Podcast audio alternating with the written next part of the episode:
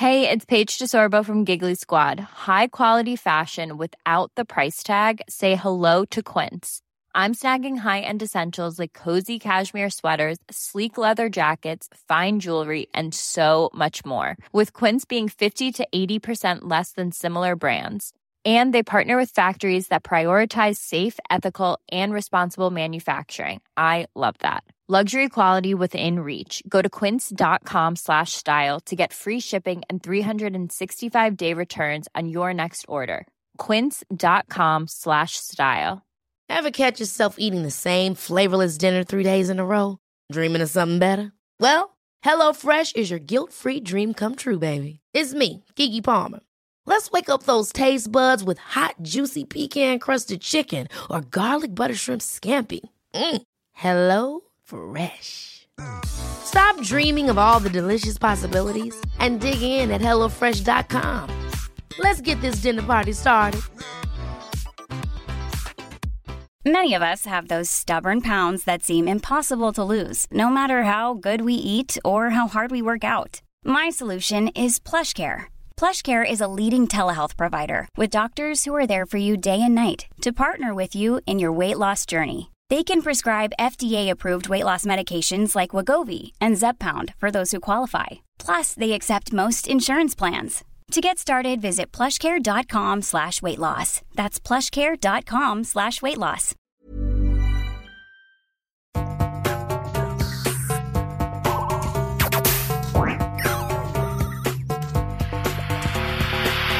Jeg heter Sondre Risholm Livrød. Jeg er psykolog, og dette er Webpsykologens podkast. Hverdagspsykologi for fagfolk og folk flest.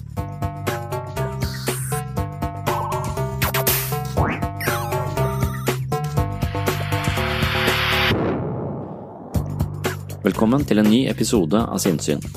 Dagens episode tar opp igjen temaer jeg snakket om før. Det blir dermed noe repetisjon, men forhåpentligvis også en god del nytt. I dag skal du få være med til Folkebiblioteket i Kristiansand. Det er Human-Etisk Forbund som arrangerer en hel uke med foredrag og debatter. Jeg skal snakke under overskriften På flukt fra seg selv og på jakt etter lykke. Hva er lykke? Hvordan kan vi oppnå det? Og hva er forutsetningene for et godt liv? Det er mange måter å snakke om lykke på, og jeg har valgt ut en del teorier som jeg mener kaster lys over temaet på en interessant måte. Dersom du liker podkasten, minner jeg om at tilbakemeldinger i iTunes er veldig verdifullt. Jeg er også glad for alle som kjøper boken Selvfølelsens psykologi eller Jeg, meg selv og selvbildet via webpsykologen.no. Da tar vi turen til Human-Etisk uke i Agder og mitt foredrag på biblioteket i Kristiansand. Det er torsdag 28. september 2017.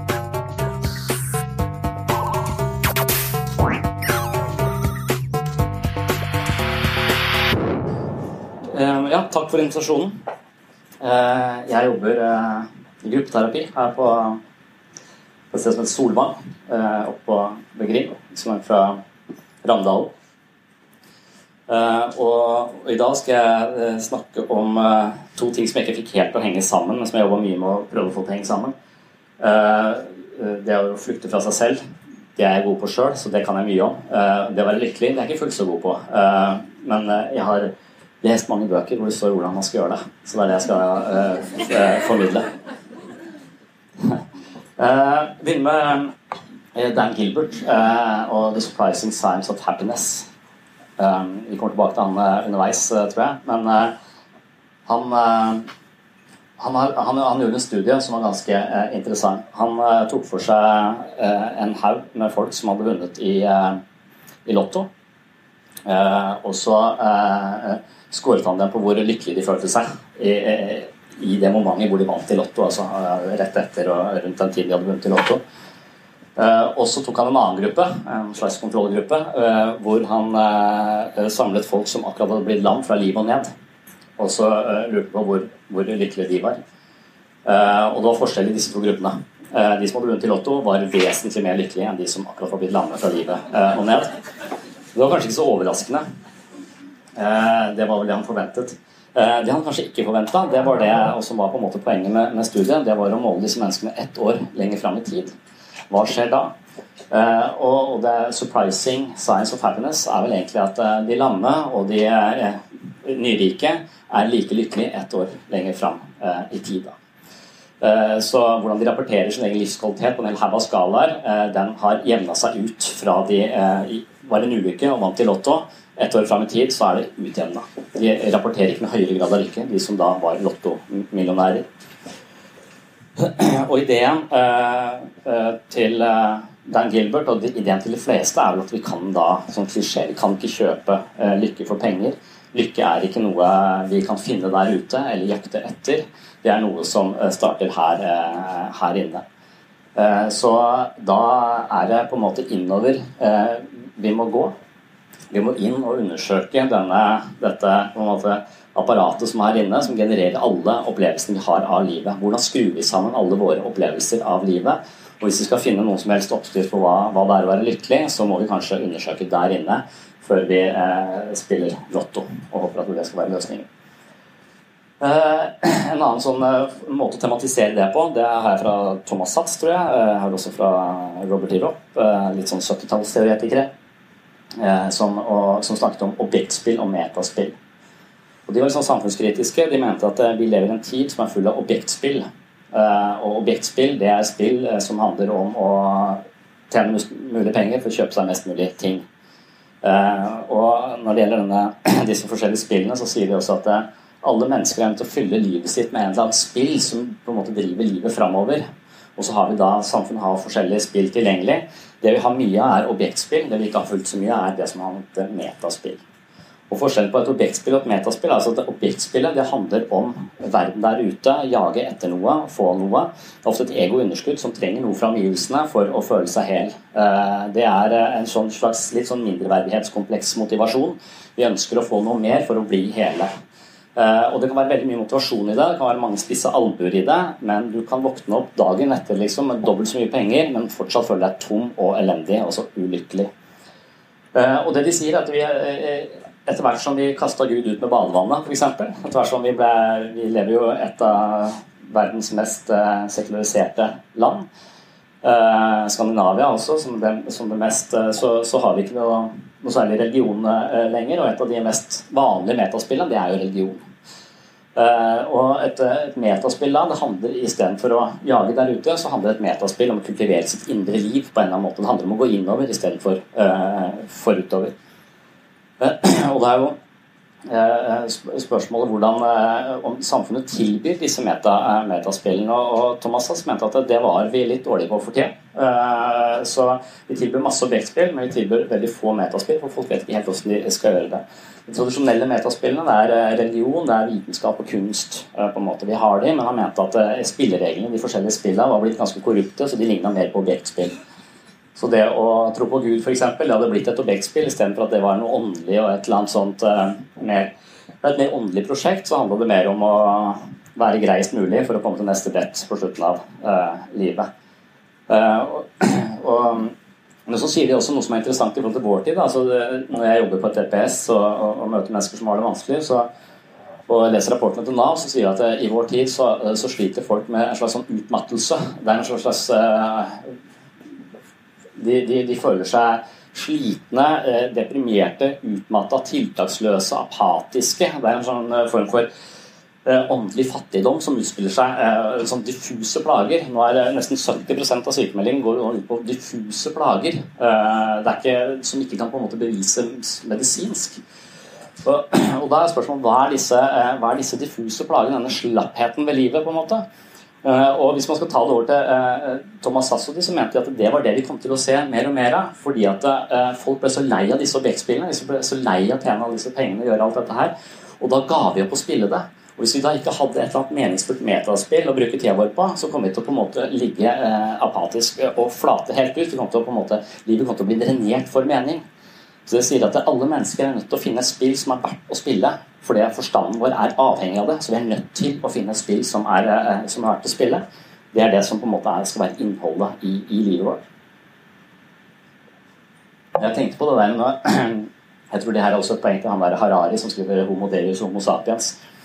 Um, det tenkte jeg på når jeg jobba i ABUP, eh, for da var jeg hjemme hos mange, eh, mange unge gutter og jenter for så vidt som, eh, som spilte et spill de syntes var verdt å spille. Det het ofte World of Warcraft eller et eller annet sånt. Noe.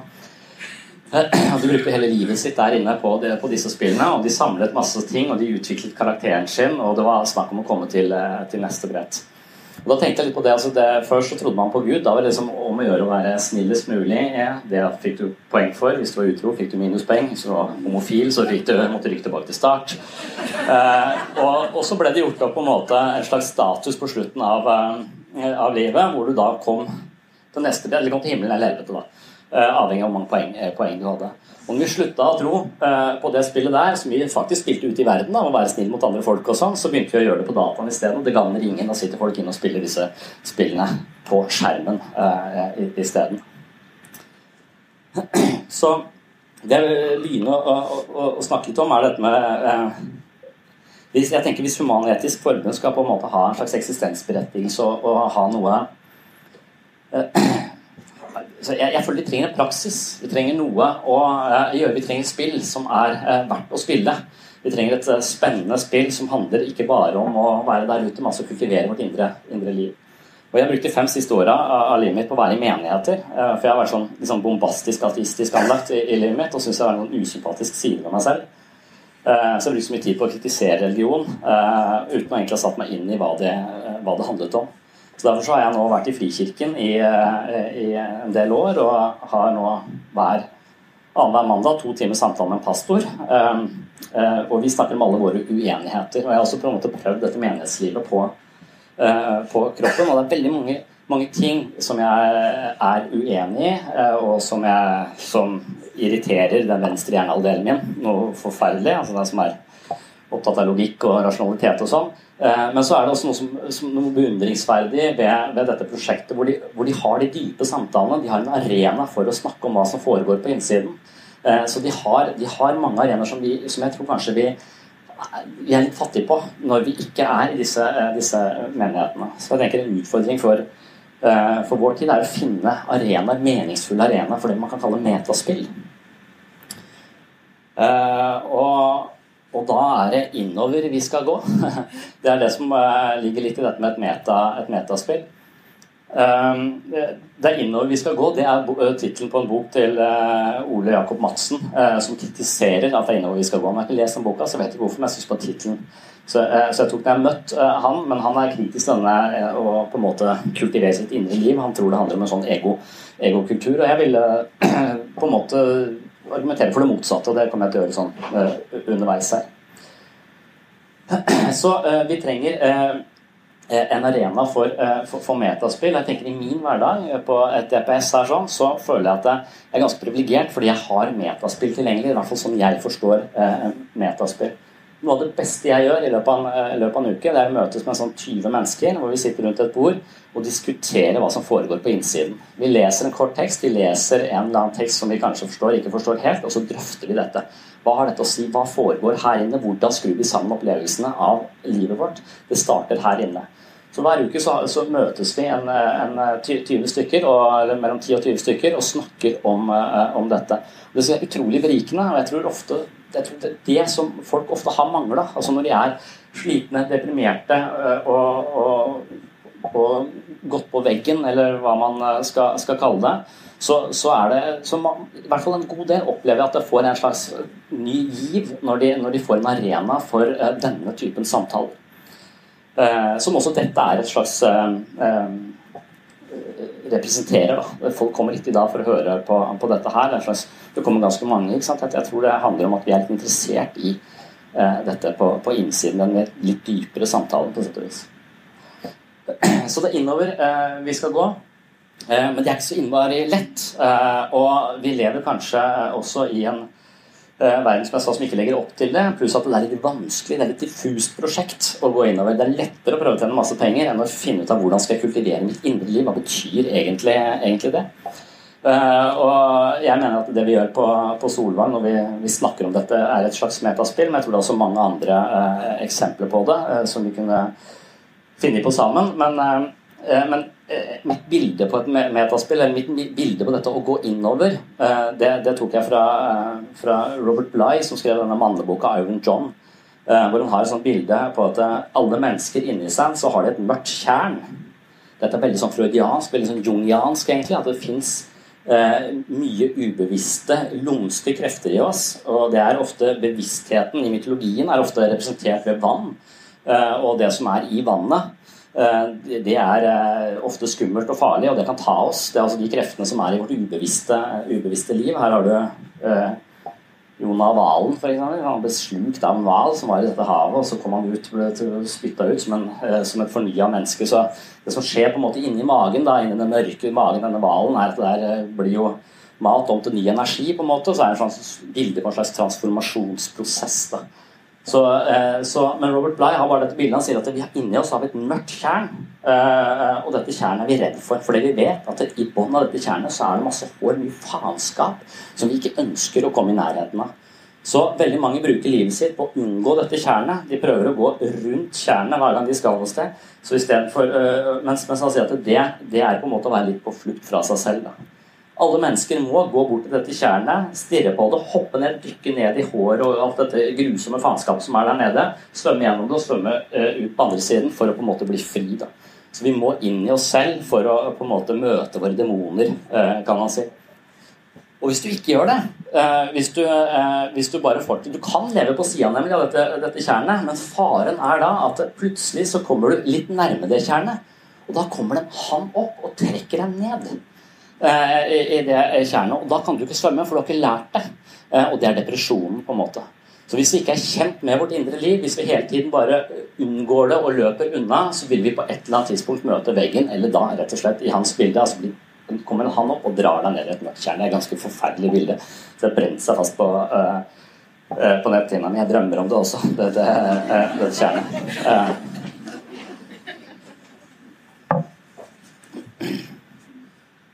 Og spørsmålet er hvorfor, eh, hvorfor er det eh, hvorfor er det så vanskelig å møte det som er på, på innsiden? Altså, metastudier antyder at 95% av det som foregår inni huet vårt, er ubevisst. Så utrolig mye av det vi tenker, føler og foretar oss i løpet av en dag, er generert av ubevisste eh, krefter som vi ikke, ikke på en måte kjenner til eller har kontroll på. Og, og Freud sin idé er jo at disse disse kreftene de drar oss ofte inn i feil reaksjonsmønstre, og, og på en måte de eh, sørger for at vi går ned blindveier og, og, livet vårt stagnerer på ulike måter. Så hans idé var at vi må gjøre det ubevisste bevisst. Fordi det vi er bevisst våre indre eh, vårt indre liv, så har vi mer kontroll, mer oversikt, og vi blir ikke på en måte tatt på senga av plutselig frykt eller eh, disse reaksjonene som vi måtte møte. Så, så, Freud har liksom fortalt oss at vi må gjøre det ubevisste bevisst, og Freud har også fortalt oss at eh, når vi tror vi er oppegående, rasjonelle mennesker, så er alt det vi tenker og føler, er filtrert gjennom nevrosene våre. Så det er en høyst subjektiv og ganske ja, en slags vrangforestilling alt vi alt vi måtte mene og tro om, eh, om, denne verden der ute, om andre mennesker, om oss selv osv. Så, videre. Eh, så vi er så langt ifra objektive som vi trodde. og Det var derfor Freud hadde trang fødsel òg. Det tok lang tid før hans ideer fikk gjennomslagskraft. For folk likte ikke den ideen om at de på en måte ikke hadde så mye makt over sitt indre. De ikke var oppegående, rasjonelle folk som hadde peiling på det de snakka om. altså at alt det du alt det vi på en måte fabrikkerer opplevelser, er altså filtrert gjennom nevrosene dine. Og hvis du skal på en måte renvaske det litt, så må du være mer bevisst hva som foregår, eh, foregår her inne.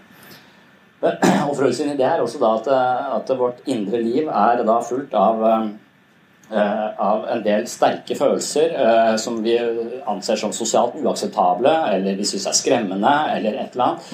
Så psyken vår har da et forsvarsverk som sørger for at det sterke følelser som er over terskelverdien for det vi makter å ta inn over oss, det blir på en måte stengt ute, blir holdt utenfor bevisstheten vår. Og der ligger det murrer. Det er dette mørke tjernet, eh, på sett og vis. Og når vi har mange følelser vi ikke tåler å ta inn over oss, eller tanker osv., så, og så, videre, så, så vil vi bruke ekstremt mye mental energi på å holde disse kreftene unna, uh, unna, livet. Og det er også det som på en måte er både angst og depresjonens vesen. på en måte Det er en slags flukt fra disse følelsene som vi ikke aksepterer, fordi vi er redd for at hvis følelsene plutselig kommer inn i livet vårt, så vil de overta kontrollen, eller vi miste kontrollen, eller vi vil se siden av oss selv som vi på en eller annen måte har brukt mye energi på, uh, på å unngå. Og eh, grunnen til at vi da er litt, Det er en grunn til at vi har dette psykiske forsvaret. Dette psykiske forsvaret det sørger for at vi ikke på en måte lider psykisk sammenbrudd. Mens mental styrke handler kanskje om å tørre flere følelser, tørre å føle mer. Eh, så min sånn variant av selvutvikling det er, det er, ikke å få det bedre og bedre og bli lykkeligere og lykkeligere. Det er egentlig å, å tåle flere følelser, mer sorg og mer eh, glede. Altså større rom i seg selv til å føle. Og hvis du skal ha større rom i deg selv for å føle, så må, må vi som mennesker begynne å forstå at eh, de følelsene og tankene som kommer inn i bevisstheten vår, ikke skal få til å definere oss. Det er sånn, sånn det vi kanskje ikke har tenkt på at vi har, men veldig mange er redd for disse følelsene. For det jeg føler, det, meg, det, det definerer meg som menneske. Uh, så vi er redd for, redd for tankene våre. Nei, den tanken har jeg ikke. Den, uh, så, så, så, så det, er del, det, er en del, aspekter ved vårt indre liv som vi, som vi, ikke makter å ta ansvar for, og som vi skyver ut i skyggen på, på, på sett og vis. Men hvis vi hadde forstått at tanker og følelser er noe som kommer og går, kommer og går hele tiden, og at de ikke skal få lov til å definere meg som, uh, som menneske, så kunne vi hatt et mye mer radikalt åpent forhold til vårt eget uh, indre liv. Og Det er ideen i mindfulness. Det er også en idé i affektbevissthetsterapi, teori osv. At vi skal tåle disse følelsene og forstå at en følelse skal, er ikke meg, en følelse kommer, en følelse går. Eh, og Det betyr at jeg må være mest mulig autentisk, mest mulig åpen for det som foregår på innsiden. Eh, jeg må kunne si til eh, kona mi at du er det mest irriterende mennesket i hele verden akkurat nå. Men du er også det mennesket jeg elsker mest i morgen og i går, men ikke i dag. Så, så, når, så, så det å være tørre følelser, ikke tro at det er én følelse Hvis jeg hater deg nå, så er det smørt utover hele, hele livet eh, vårt. Det er et øyeblikksbilde. Det er sånn jeg føler det akkurat nå. Det er et uttrykk for den følelsen. Dette irriterer meg, dette må jeg ha ut, dette må vi snakke om. Eh, eh, så, så kan vi gå, gå, videre. Når vi er redd for følelser, så tør vi ikke å si dette. Eh, Kullberg snakket om eh, familier med angst. Det er som et hvilehjem. Eh, det er fordi at de, de, med angst ofte er redd for sine egne følelser, og de som er rundt de prøver å på en måte skjerme de fra sterke følelser, og forteller dem ikke sannheten. Uh, nei da, du er ikke irriterende. Det er ikke irriterende at jeg gjør alt her hjemme og du bare ligger på sofaen hele tiden, for du er jo syk. Det er ikke irriterende i det hele tatt. Det fortjener du. Uh, det må være lov til å si det er jævlig irriterende når du hele tiden ligger på sofaen. For hvis du ikke kan gi uttrykk for den irritasjonen, så kan du heller ikke klare å elske det mennesket senere. Det er også en slags psykologisk teori som har sagt mye, uh, mye om. Så Det er et bilde av en fyr som har en slags gammeldags dataskjerm til, til hodet. Jeg tenker litt sånn at hvis vi skal tåle vårt indre liv, så må vi kanskje se på oss selv litt som en TV. Eh, når jeg ser en dårlig film på min TV, så klandrer jeg ikke TV-en for det. Jeg sier ikke at det er en dårlig TV. Det er programmet på TV-en som er dårlig. Hvis jeg ser en voldelig film, så ser jeg ikke en jævlig voldelig TV hjemme. Det er programmet på TV-en som er voldelig. Og Hvis vi skal tenke litt som om vår egen bevissthet, så er jeg bevisstheten. Altså det som dukker opp i bevisstheten, det er tilfeldige impulser. Sånn, det kommer fra Det dukker bare plutselig opp. Jeg tror ikke jeg har noe fri vilje, så dette kommer inn på min skjerm. på en måte. Eh, og hvis jeg tror at dette er meg, så må jeg bruke veldig mye energi på å holde en del av disse filmene jeg ikke liker, eh, på, på avstand. Vi skal komme litt mer til, for Jeg er ikke som en TV, det er en veldig dårlig metafor, på en måte, men det er en litt sånn pedagogisk metafor i forhold til å tenke om vårt indre, mm, om vårt indre liv um, ja.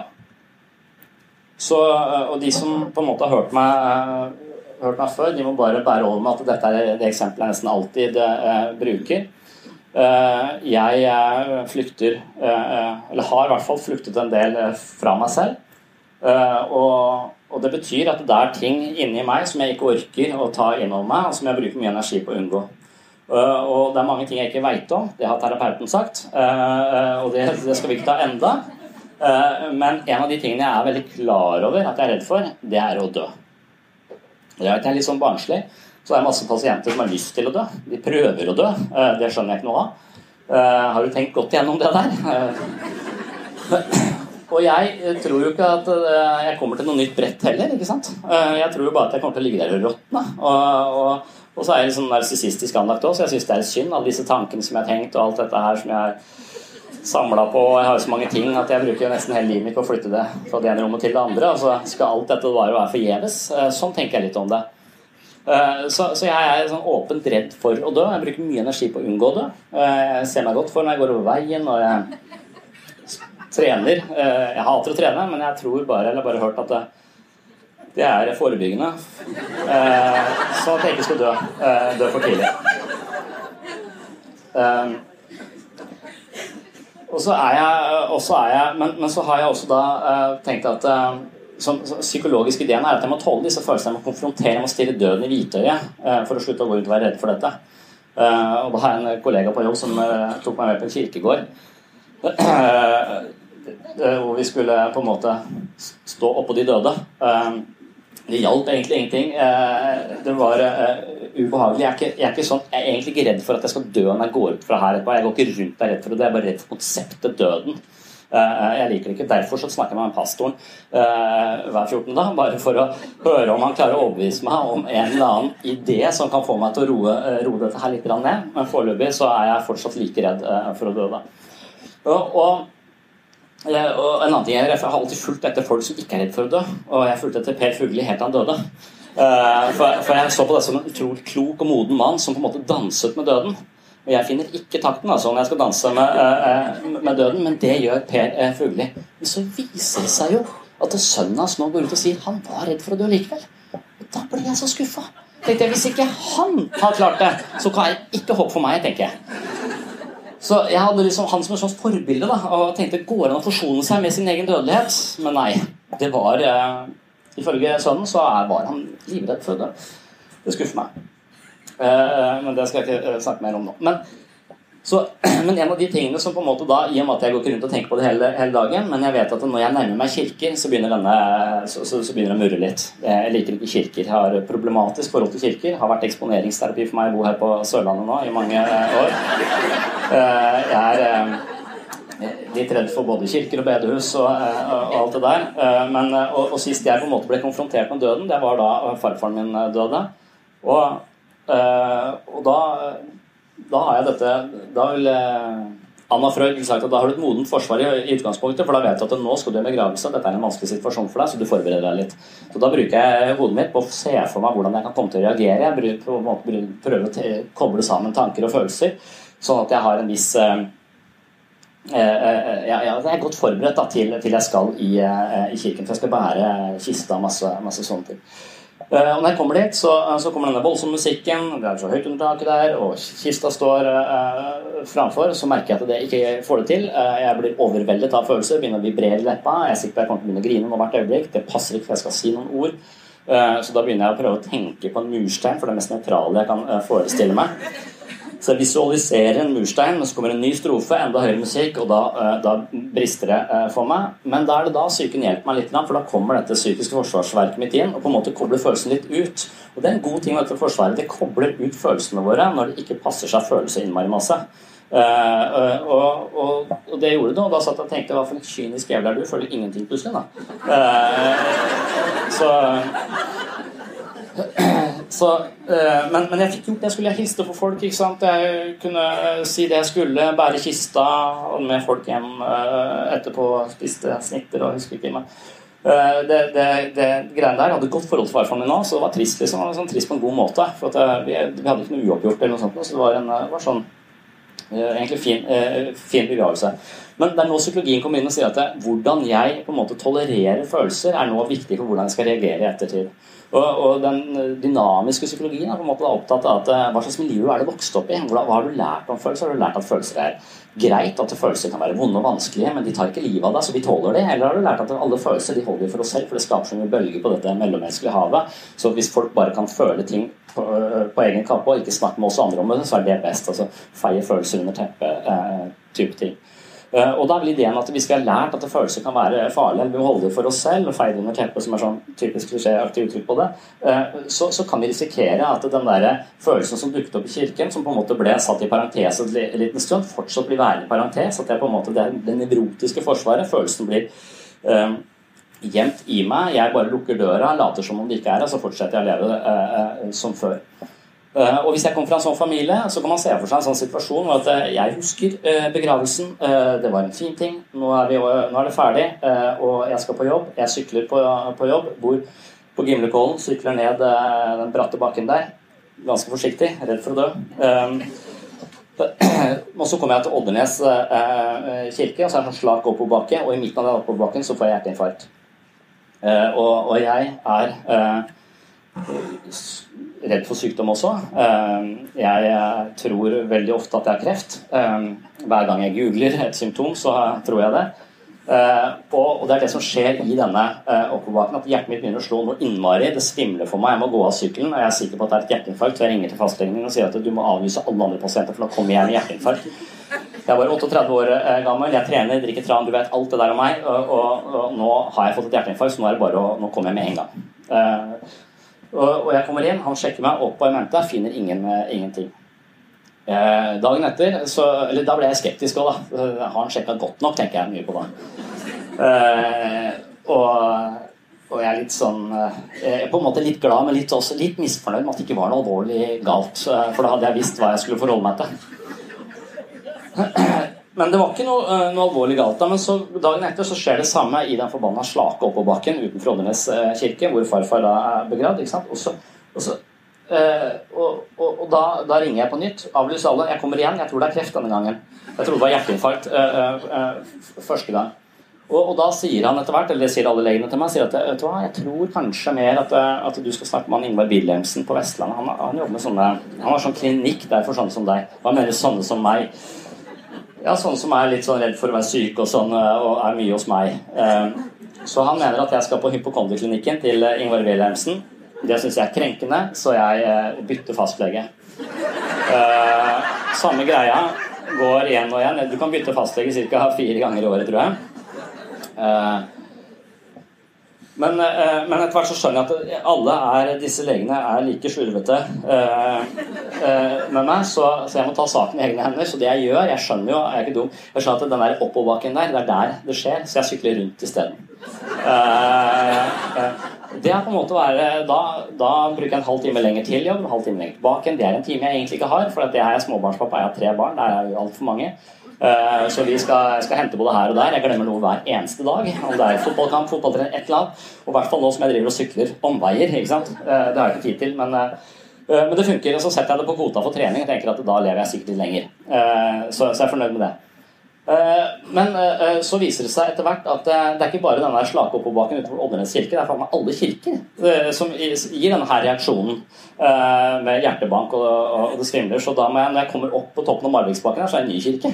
Jeg er jo overalt. Så jeg må bære sykkelen ned langs vannet der, og så løfte den opp på, på, på Lysbrua, for så å komme meg gjennom, så har de bygd den kolossen ikke sant, rett over den broa der. Den der og det vet jeg, en sånn Philadelphia borg.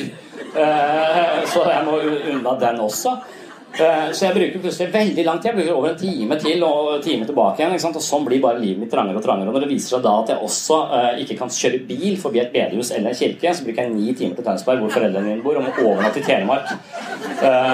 Og, da begynner livet mitt å bli ganske begrensa. Og dette er på en måte måten å flykte fra seg selv på. Det man, det, det man kan også si altså, hvis, hvis, det er, hvis, det er, følelser i meg selv som jeg ikke tåler, altså i mitt tilfelle døden, så vil, enten jeg er klar over det eller ikke, så vil tegn på døden på en måte aktivere frykt eh, i meg. Men jeg er ikke sikkert jeg legger merke til kirken engang. Men det på en måte trigger noe i meg, og jeg blir redd som lyn fra klar himmel. Jeg vet ikke hva det er for noe. Det er jo angstens vesen. ikke sant? Og Da begynner man å undersøke er det noe i denne situasjonen. Så begynner man å unngå, man begynner å gå andre veier. Og til slutt så blir man sittende inne i leiligheten sin uten å gå noe sted. For det er det tryggeste. Da får du i hvert fall ikke angst eller hjerteinfarkt eller kreft. Eh, og, Sånn kan angsten på en måte spise seg inn i livet vårt når vi ikke på en måte konfronterer disse følelsene. Det er jo ideen. Vi må tåle disse følelsene for å bli frie. Vi må ned i dette vannet til Robert Bligh eller Iron John, som er denne jernhans-fortellingen.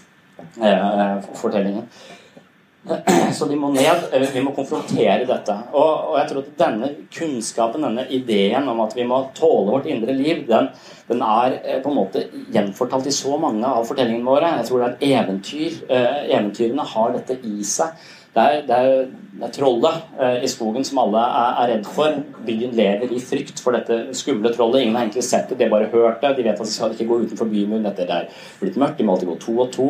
Altså Vi blir begrensa for noe vi er redd for eh, der ute. Og i eventyrene så er det en blåøyd, liten naiv fyr som heter Espen, som bare tenker at ja, jeg må møte dette her. Så går han ut, og så møter han trollet, og så finner han ut at trollet enten ikke er noe farlig, det er bare ensomt og misforstått, eller så er trollet ganske farlig. Hvis han lurer ut i sola, så eksploderer det.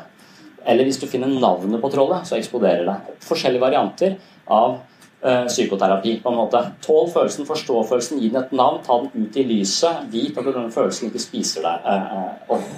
Det er på en måte sånn man kan lese sånn ja, det er litt det som er ideen i mye psykoterapi, og det er litt det som jeg tror uh, disse fortellingene også sier noe om. Det å være menneske og det å tåle sitt, uh, sitt indre, indre liv.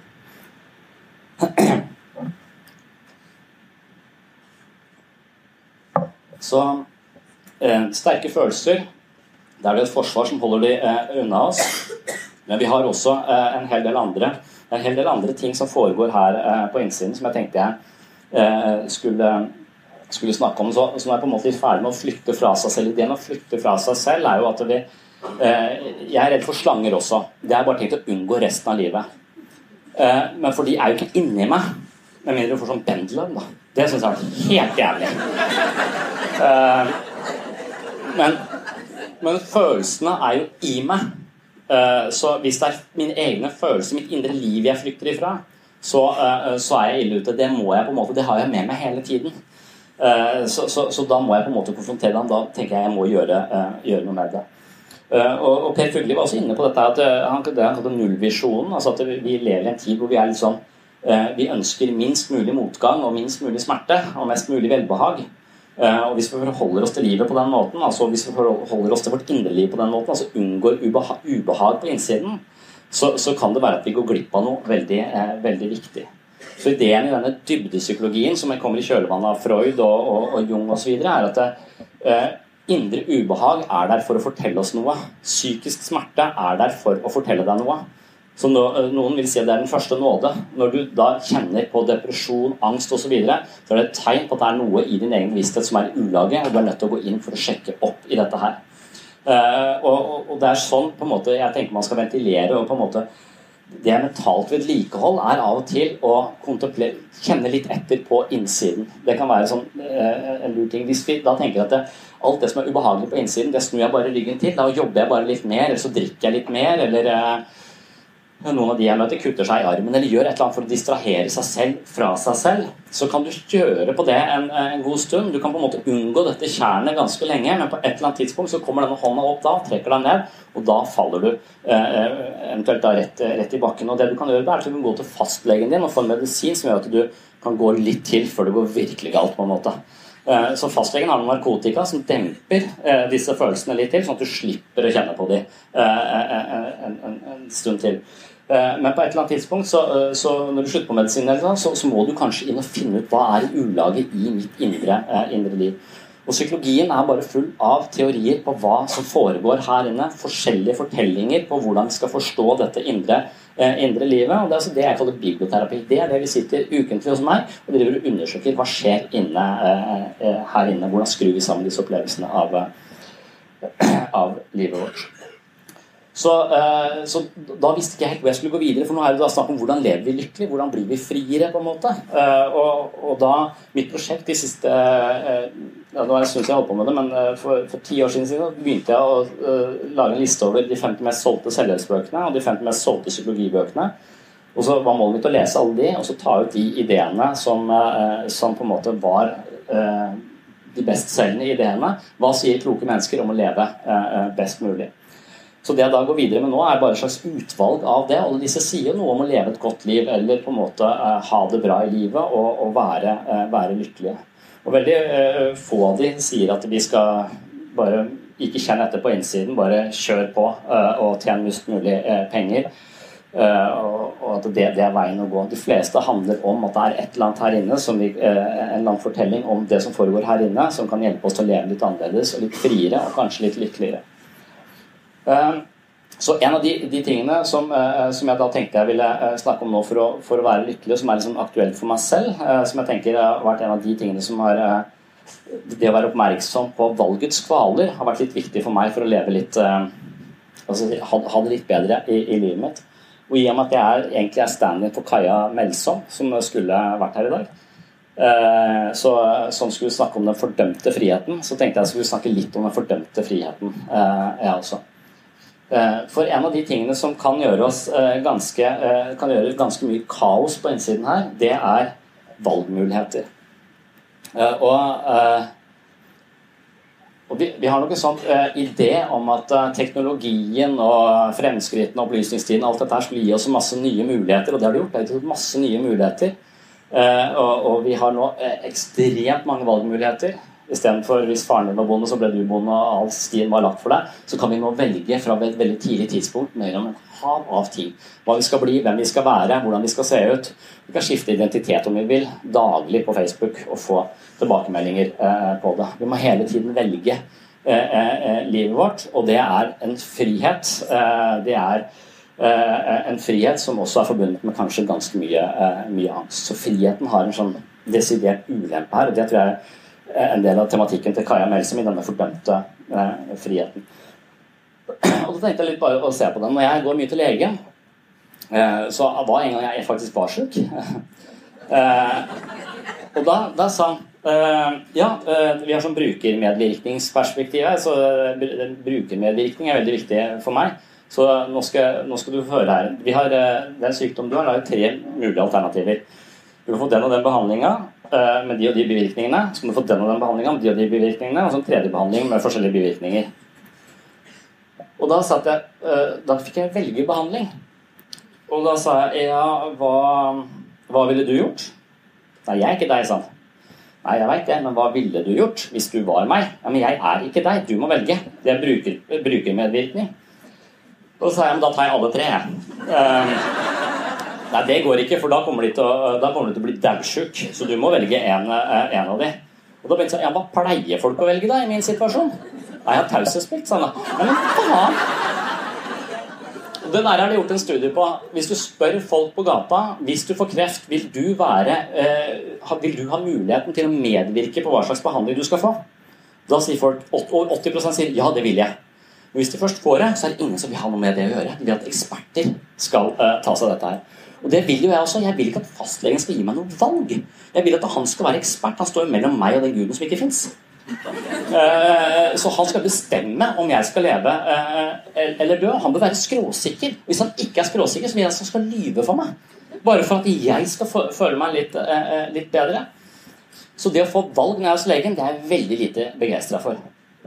Og, og så, sånn tror jeg det er også. Jeg var på Subway for, for, for litt siden. Har dere vært der? Eh, det, når, når, du kommer inn her, så er jeg også sulten. Jeg skal bare ha en sandwich. Ja, øh, Hvordan sandwich da? Nei, jeg, med kylling, sa jeg. En kyllingsandwich. Ok. Og så begynte det. Å, fy faen. Da var det først Hva slags dressing skal du ha? Nei, jeg, så tar jeg, uh, Den eneste dressingen jeg kan, er Thousand Island. Det husker jeg fra Lille Lørdag da jeg var liten. ja, det har vi ikke. sa han. Nei. Hva har du, da? Og så nevnte hun åtte italienske navn. Så for meg hørtes ut som fotballag. Og, og, og, jeg hadde jo jeg hadde, kompetent, jeg hadde jo ikke kompetanse til å velge dette her. Så da begynte jeg sånn Ja, hva pleier folk å ta, da? Nei, det er litt forskjellig, sa jeg. Ja, det, men, men sånn La meg få alle flaskene opp på disken her, så vi kan se. Så tar vi den som det er minst i. Den er det sannsynligvis den som selger mest av. Den tar jeg. Og så tok den opp, og så var det en som var veldig liten, så den tar jeg. Ah, sa han. Ja, hva, hva, hva Den ser nesten ingenting av. Det er bare fordi vi ikke har skifta den ut. Det er bare én mann som jeg kjenner som liker den dressingen der, og det er han som har spist alt sammen. Den pleier vi aldri å selge, bortsett fra den. Uh, ja, hva er det for noe med den? Den smaker nesten litt sånn vanilje, sa han. Uh, ja, men jeg liker jo vanilje. Ja, kanskje du er den andre da, som, uh, som liker denne dressingen? Og da tenkte jeg nei, jeg er veldig normal, det er veldig vanlig. Jeg er ikke sånn som liker veldig spesielle ting, så det kan ikke være den dressingen. Da har vi eliminert den. Sånn holdt vi på. Bare like før jeg sulta i hjel foran disken der. Jeg klarte ikke å få bestilt meg og når jeg først hadde fått det, så tenkte jeg at dette her er sikkert feil. Denne kunne smakt bedre hvis jeg hadde valgt litt annerledes tidligere. Og sånn er liksom livet fullt av den typen valg. Og Kirkegård han har sagt at angst det er sekundene før du, tar et valg. Og når du da øker valgmulighetene i vår tid med så ekstremt mye, så er det klart at angsten vår også, uh, også øker. Og vi får en sånn der idé om at vi har så masse muligheter. Og, og, og når vi da velger én av dem Eh, så, så, når du øker antall valgmuligheter, så er sannsynligheten for å velge feil også mye større. Det er enkel matematikk.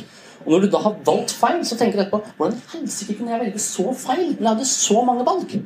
Eh, så vi klandrer oss selv, og vi her får en sånn slags eh, postvalgangst. Hvor vi er usikre på om vi har valgt riktig.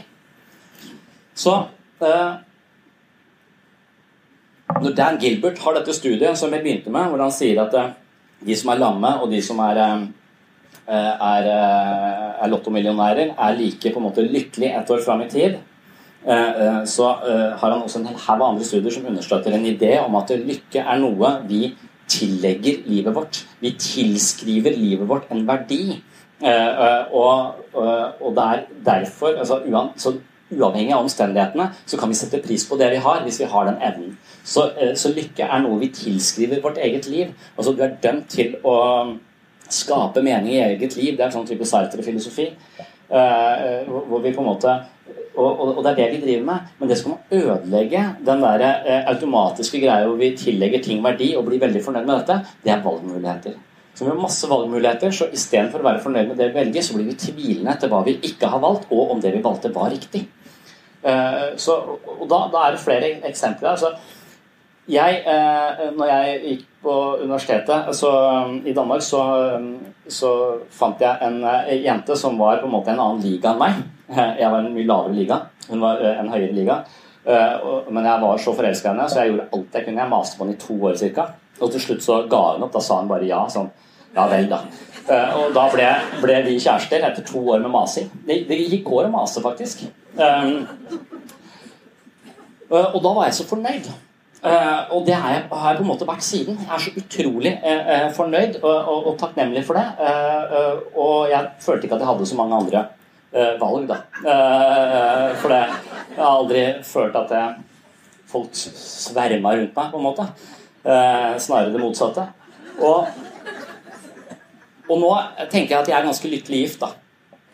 men så har jeg kamerater som, ikke, som hadde litt bedre selvtillit enn meg i starten der. Så de var ikke så raskt ute som meg. Og de kom inn i en tid nå, jeg er snart 40, og de er fortsatt single. Og de har fått damer på telefonen sin.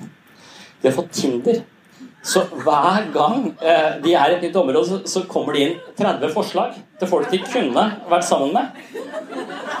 Og når du da driver og dater noen, og det dukker opp nye folk på telefonen din mens du dater dem, så er du Det er veldig vanskelig å bli veldig fornøyd med det du har, for det er alltid et nytt alternativ. Og det tenker jeg er litt sånn altså, Når vi skal slå oss ned og hvis det, De sier at gresset alltid grønnere på den andre sida, det er det på Tinder. Eh, men det er noen som også sier at gresset er grønnest der du vanner det. Eh, eh, og, og, det har jeg litt troa på. Jeg tror at de, alle disse eh, valgmulighetene eh, som vi tror gir oss masse frihet og, og, og, muligheter, større muligheter til å bli kjent med flere folk osv., det gjør oss også veldig usikre og tvilende og single, eh, som, som mine, mine venner. Så når man måler dette med lykke i forhold til disse tingene, så virker det som om mennesker blir mer lykkelige ved å begrense valgmulighetene sine. Så det du gjør når du gifter deg, f.eks., det er at du begrenser jo valgmulighetene dine ganske kraftig. Når du gifter deg, så kan du ikke ha sex med hvem du vil lenger. Det kunne ikke jeg før jeg gifta meg heller. Eh, så, eh, så, det har aldri vært noen mulighet, noen mulighet for meg. Men, men når du, når du, gifter deg, så har du bundet deg til én eh, person hvis du tenker at det hvis du, hvis du tenker at det, nå har jeg gjort et valg. da. Men hvis du da driver hele tiden sjekker eh, Tinder og ser om det er noen Hvis du går ut av gift og tenker ja, hun er jo litt finere enn hun jeg har. Hun virka kanskje litt hyggeligere enn hun jeg har hjemme. Hvis du går rundt og tenker sånn, så, så, tror jeg du kan gjøre ganske mye faenskap på hjemmebane. Da tror jeg du mister det du eh, potensielt sett kunne hatt ved å vanne gresset andre steder enn en, en hjemme. Eh, så, så, det virker som at jeg vil nok si at jeg er mer lykkelig nå uh, enn da jeg var singel i, i, Danmark. Og en annen ting som jeg har gjort for å begrense livet mitt, det er å få tre barn. Det betyr at jeg har ingen fritid lenger. jeg har Klokka halv ti så er alt liksom barn lagt seg, alt er, er ferdig. Og da, da har jeg sånn idé om at jeg skal drikke vin. Så da fyller jeg et ganske romslig glass med vin, og så ti over halv ti så kollapser jeg. Så jeg har egentlig en intensjon jeg må bli alkoholiker, jeg har bare ikke tid. Uh, så jeg har ingen uh, uh, fritid pga. at jeg har så mange barn. Jeg føler jeg selv. Jeg føler jeg har 100, men jeg har bare tre. Uh, er, men, men, likevel så rapporterer jeg fortsatt så føler jeg meg lykkeligere enn jeg var da. Og det er ikke bare jeg. Det er flere som har det på denne måten. Når du måler folk, så, så, så, er det å begrense seg Det gir, gir de ofte, gjør de ofte mer, mer lykkelige. Så, eh, så, så, så, disse valgmulighetene, et liv, altså den fordømte friheten som Karin Melsom uh, snakker om, det kan gi på en måte smøre livet ut en slags kronisk tvil. Uh, hvor vi ikke på en måte tilskriver det vi faktisk har valgt, den verdien det burde få. Og vi dyrker det ikke, og vi blir på en måte ikke Vi blir bare rastløse. Ikke lykkelige. Og det, sånn, når jeg prøvde å, når jeg er så redd for å dø, så prøvde jeg å bli religiøs. Og da tenkte jeg, så sa jeg at jeg har tenkt å begynne å tro på Gud. Altså, hvilken gud? Nei, faen, er det flere guder òg? Damn it! Det må da være noe Jeg kan det samme. Nei, nei, nei. Du har 100 forskjellige Det er Kolpor. Jeg hater Kolpor, sa jeg. Det kommer alltid masse mat som ikke passer sammen. Jeg vil bare ha, ha et, et valg. Når de ringer til meg og ber meg skifte telefonabonnement nå får jeg et nytt valg. Eh, så sier jeg nei, jeg, jeg, jeg skifter aldri ja, men Det er dobbelt så dyrt det du har. Det driter jeg i. Jeg kan ikke bli stilt overfor dette valget her selv. Det er for komplekst for meg. Det, tar, det, det, det, liksom, det, ødelegger livet mitt, alle disse valgene. Så jeg bare bestemte meg for å si nei til alt, eh, til alt sånn. Jeg skulle opp og kjøpe sykkel med, eh, med dattera mi. Kom inn på XXL, så jeg, vet du, du skal få velge selv. Da hadde jeg ikke lest dette. her, Da skjønte jeg ikke hvorfor, at det på en måte er en form for omsorgssvikt. Så vi kom hjem til, til kona mi, så grein dattera mi, og jeg var fly forbanna. Hvor er sykkelen, sa Det ble ikke noe sykkel. Og ingen av oss ville snakke om det. Nå vet jeg om dette, så skulle jeg opp og kjøpe sånn regntøy. Og da, da sa jeg til henne at vet du hva, har du noe regntøy på, på tilbud til barn den alderen? Nei, det har vi ikke. sånn.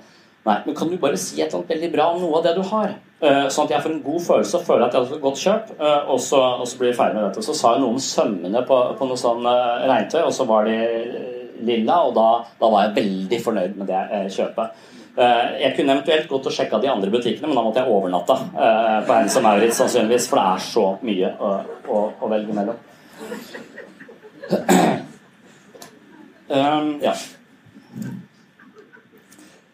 Så eh, eh, dette her er en del av disse tingene også, som, som, foregår inni oss, som vi kanskje bør vite, eh, vite om, og som vi forholder oss eh, til, til, valg. Men kan si at vi, vi krever at det, eh, Veldig ofte så gir jeg barna mine valg, eh, og, og, og, tenker at det er raust og fint. Du kan velge mellom det og det og det og det. Eh, men egentlig så setter jeg bare en sånn tvilsposisjon. Sannsynligvis jeg burde nok bestemme eh, mye mer eh, over det. Det er derfor jeg er også kritisk til demokratiet. Jeg tror vi hadde hatt det bedre med en sånn enevolds... Et opplyst enevelde er jeg litt for. Og, og, og, Dan Gilbert har mange studier som understøtter dette. Fotografistudien den, den viser at der, de, der, tar de en bunch med elever på universitetet der og så gir de et kurs i eh, å ta bilder og lage eh, flotte, flotte bilder. Og så er hele prosjektet ender i at de har lagd to bilder, men så sier forsøkslederne sier at det, eh, det ene bildet må vi ha, det andre bildet kan du ta med deg hjem. Dodel og Ok, så jeg kan bare ta ett bilde, ja, og du kan velge.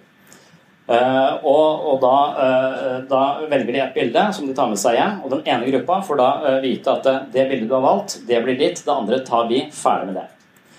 Eh, mens den andre gruppa den får vite at eh, det bildet uh, du har valgt nå, det kan du ta med deg hjem. Men hvis du angrer deg, så kan du komme tilbake og bytte. For det er samme for oss hvilket bilde vi har. Bare vi har ett bilde. Og så måler de et 15 minutter etterpå, en halvtime etterpå, flere måneder fram i tid. Hvor fornøyd er folk med det bildet de har laga? Og de folka som har fått dette bildet de kan potensielt sett bytte inn i et annet bilde, de scorer på en måte gleden ved det bildet sitt, eller hvor, hvor fornøyd de er med det bildet, mye mye lavere enn de som ikke har noe valg. De tillegger dette bildet verdi, uh, for dette, nå, nå, er det det jeg har valgt, og det er dette jeg skal, uh, skal stå, uh, stå, ved. Og, og, jeg var avhengig av Finn i to år, måtte på sånn rehabilitering. det finnes ikke, da, men jeg prøvde å søke det opp. Så, så, når du skal kjøpe hus og, og eh, på en måte Jeg har en sånn Finn-tourettes. Jeg bare går inn på Finn av seg selv. Eiendom. Eh, nå er heldigvis, eh, heldigvis kvitt det. Selv når jeg hadde kjøpt hus. Og igjen, liksom, Istedenfor å være veldig fornøyd med det jeg faktisk har kjøpt, så drev jeg og sjekka om det var noen andre hus til salgs i samme område som eventuelt var billigere og bedre enn det jeg hadde kjøpt. Sånn at jeg kan føle litt dårlig der jeg er nå. Eh, så, så, det er så mange sånne ting som, eh, som vi lures inn i, hele tiden. Og så er vi så jæklig dårlige på å ta valg også. Vi blir stilt overfor masse valg, og vi har ikke en hjerne som er kapabel til å gjøre disse, uh, disse valgene. Og det er en tror jeg har tatt med på slutten her. Ja, det ble litt langt å gå, gå den veien, Blant, Blant annet så spør det, Kanskje er det bare barn som syns det er vanskelig å velge sykkel? Nei. Eh, hva med høyt utdanna leger, f.eks.? Har de problemer med, å velge? Og så, og så, lager de en studie hvor de, eh, hvor de, tar leger som har sendt folk av sted til hoftetransplantasjon. De skal skifte hofta si. Men så sier de siste vet du hva? Det er en medisin her du kan bruke i stedet for å skifte hofta. Denne medisinen har vist seg å være veldig effektiv på den lidelsen denne pasienten har. Så uh, vær så god, denne kan du prøve. Og da er spørsmålet hva gjør legen? Kaller legen tilbake pasienten fra hoftetransplantasjon? Ja, det gjør de fleste. Majoriteten av legene kaller eh, pasienten tilbake. Så gjør de samme situasjonen, men så sier de til legen at det er to medisiner du kan prøve. Det er denne medisinen og denne medisinen istedenfor hoftetransplantasjon. Hva gjør legen nå? Majoriteten av legene lar hoftetransplantasjonen eh, gjennomføres. Kaller ikke tilbake pasienten. Det blir for komplekst. Nå ble det for mange. Da lar vi det bare gå. Det burde egentlig bekymre oss. Uh, valg er uh, veldig, veldig vanskelig for oss. Vi er ikke veldig kapable til å ta de, og når vi blir stilt overfor mange valg, så vil ikke denne naturlige prosessen hvor vi setter pris på det vi har, heller, men vil forstyrres. Eh, så det beste rådet man kan gi, er egentlig også på en måte gjør valgene dine eh, så enkle som mulig og irreversible. Når du har valgt noe, stå ved det. Uansett, bare stå ved det valget du har tatt, og ikke kikk deg om etter andre, eh, andre muligheter. De mener det er to forskjellige eh, grupper. Dette her fra han eh, Barry Swatch, som har skrevet 'Paradise of Choice'. Eh, han, han, sier at det, det fins to mennesketyper. Det er maximizers og satisfiers. Maximizers det er de som driver og googler alt før de kjøper det. De veit alt om den nyeste modellen, den nyeste telefonen, den nyeste eh, bilen. Det er ingenting som skjer ved tilfeldighet. De bruker ekstremt mye tid på å undersøke hva som er det beste kjøpet. Uh, og så har du Satisfiers. De har én standard, og hvis det eh, produktet de skal anskaffe seg, er oppunder den standard, så kjøper de det uten å tenke mer på det. Det er Satisfiers. Og så forholder de seg til livet sitt. Og så har han interessert i disse to gruppene. er det noe forskjell på dem? tar disse maximizerne bedre valg enn de som han kaller satisfiers. Eh, og så viser det at ja, det gjør de. De har litt bedre jobber, de tjener litt mer, men de rapporterer dårligere livskvalitet. Så de er stressa og uh, ulykkelige, men de har høyere lønn og bedre jobber. Men satisfiers de er mer uh, lykkelige, men de har litt lavere lønn. Ever catch yourself eating the same flavorless dinner three days in a row? Dreaming of something better? Well, HelloFresh is your guilt-free dream come true, baby. It's me, Kiki Palmer. Let's wake up those taste buds with hot, juicy pecan-crusted chicken or garlic butter shrimp scampi. Mm. Hello Fresh. Stop dreaming of all the delicious possibilities and dig in at HelloFresh.com. Let's get this dinner party started. Quality sleep is essential. That's why the Sleep Number Smart Bed is designed for your ever evolving sleep needs. Need a bed that's firmer or softer on either side? Helps you sleep at a comfortable temperature? Sleep Number Smart Beds let you individualize your comfort so you sleep better together. JD Power ranks Sleep Number number 1 in customer satisfaction with mattresses purchased in-store. And now, save 50% on the Sleep Number limited edition Smart Bed for a limited time. For JD Power 2023 award information, visit jdpower.com/awards. Only at a Sleep Number store or sleepnumber.com. Many of us have those stubborn pounds that seem impossible to lose, no matter how good we eat or how hard we work out. My solution is PlushCare. PlushCare is a leading telehealth provider with doctors who are there for you day and night to partner with you in your weight loss journey. They can prescribe FDA-approved weight loss medications like Wagovi and Zepbound for those who qualify. Plus, they accept most insurance plans. To get started, visit plushcare.com slash weight loss. That's plushcare.com slash weight loss. Og da kan man jo uh, begynne å på en måte regne på hva som er uh, viktigst da, ved livets siste time. Hva, hva skulle du ønske du gjorde mer av? googla og var mer nøye på hva du kjøpte, eller om du bare satte standarden eh, der. Min strategi det er at jeg er nok en satisfier. Eh, heldigvis jeg, er ikke så, jeg har ikke kapasitet til å sette meg inn i disse tingene, men jeg har en kamerat som er Maximier, så jeg vil bare kjøpe det samme som han kjøper.